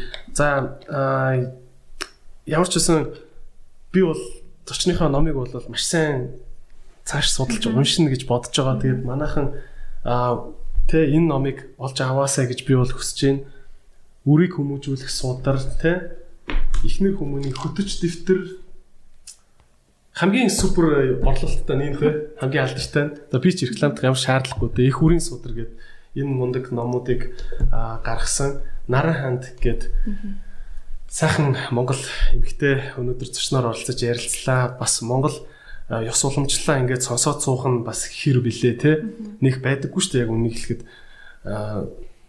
Тийм болохоор бас миний хувьд бол гоё суралцах гоё цаг байлаа. Тэгэд одоо хэрэгжүүлъе даа л гэж бодож ин да. Тэгээд зочиндоо баярлалаа. Баярлалаа. Би тэг үг хэлж болох уу? Танах аяух хүмүүс үздэг юм чинь. Аа тэгээд энэ их ажлуудыг хийхэд одоо би сүүлийн 8 9 жил ингээд ажилласан. Аа тэг мэдээж ганцаараа хийгээгүй манай гэрлийн өргөний хамт олон байгаа. Аа тэгээд энэ содруудыг маань анханасаа намайг дэмжижсэн юм хитэн гоё эмгтээчүүд юм л та. Тэгээд тэдэртээ бас баярлаа гэж юусоо хэлэх боломж юусоо олддог. Тэгээд энэ нөгөө ташрамби таширдаа гэдэг шиг. Ховд аймгийнхан да гэдэг шиг. Аа Монголын сайхан бүсгөө уянгалынхаа мэдэн штэ тий. Тэгээ уянгалынхаа маань анх содруудыг маань бас ивент итгэж ингээ хөвлүүлж итэр өгчээсэн. Тэгээ сая сүүл бас золцъя гэд манаас найз ингээд туслаж дэмжээд бид нар ингээ хамтаараа явдаг. Тэгээ та нартаас маш их баярлалаа гэж бас анх удаага хэлцээр анх удаага хэлж जैन. Тэгээд ер нь бол эмгтээчүүдийнхаас та Монгол ээж за нийтээрээ те хамтдаа ингээд хөгжөөд их орондоо оруулж байгаа өөрсдийнхээс хувь нэмрээ нэгтгээд хамтдаа суралцаад явцгаая. Тэгээд бүгдөө судар ном уншаарэ гэж хэлье. Баярлалаа. За баярлалаа. Энэ мундаг ээж хүнээс айц аваад гар өрчөө та. За баярлалаа бүгдээрээ.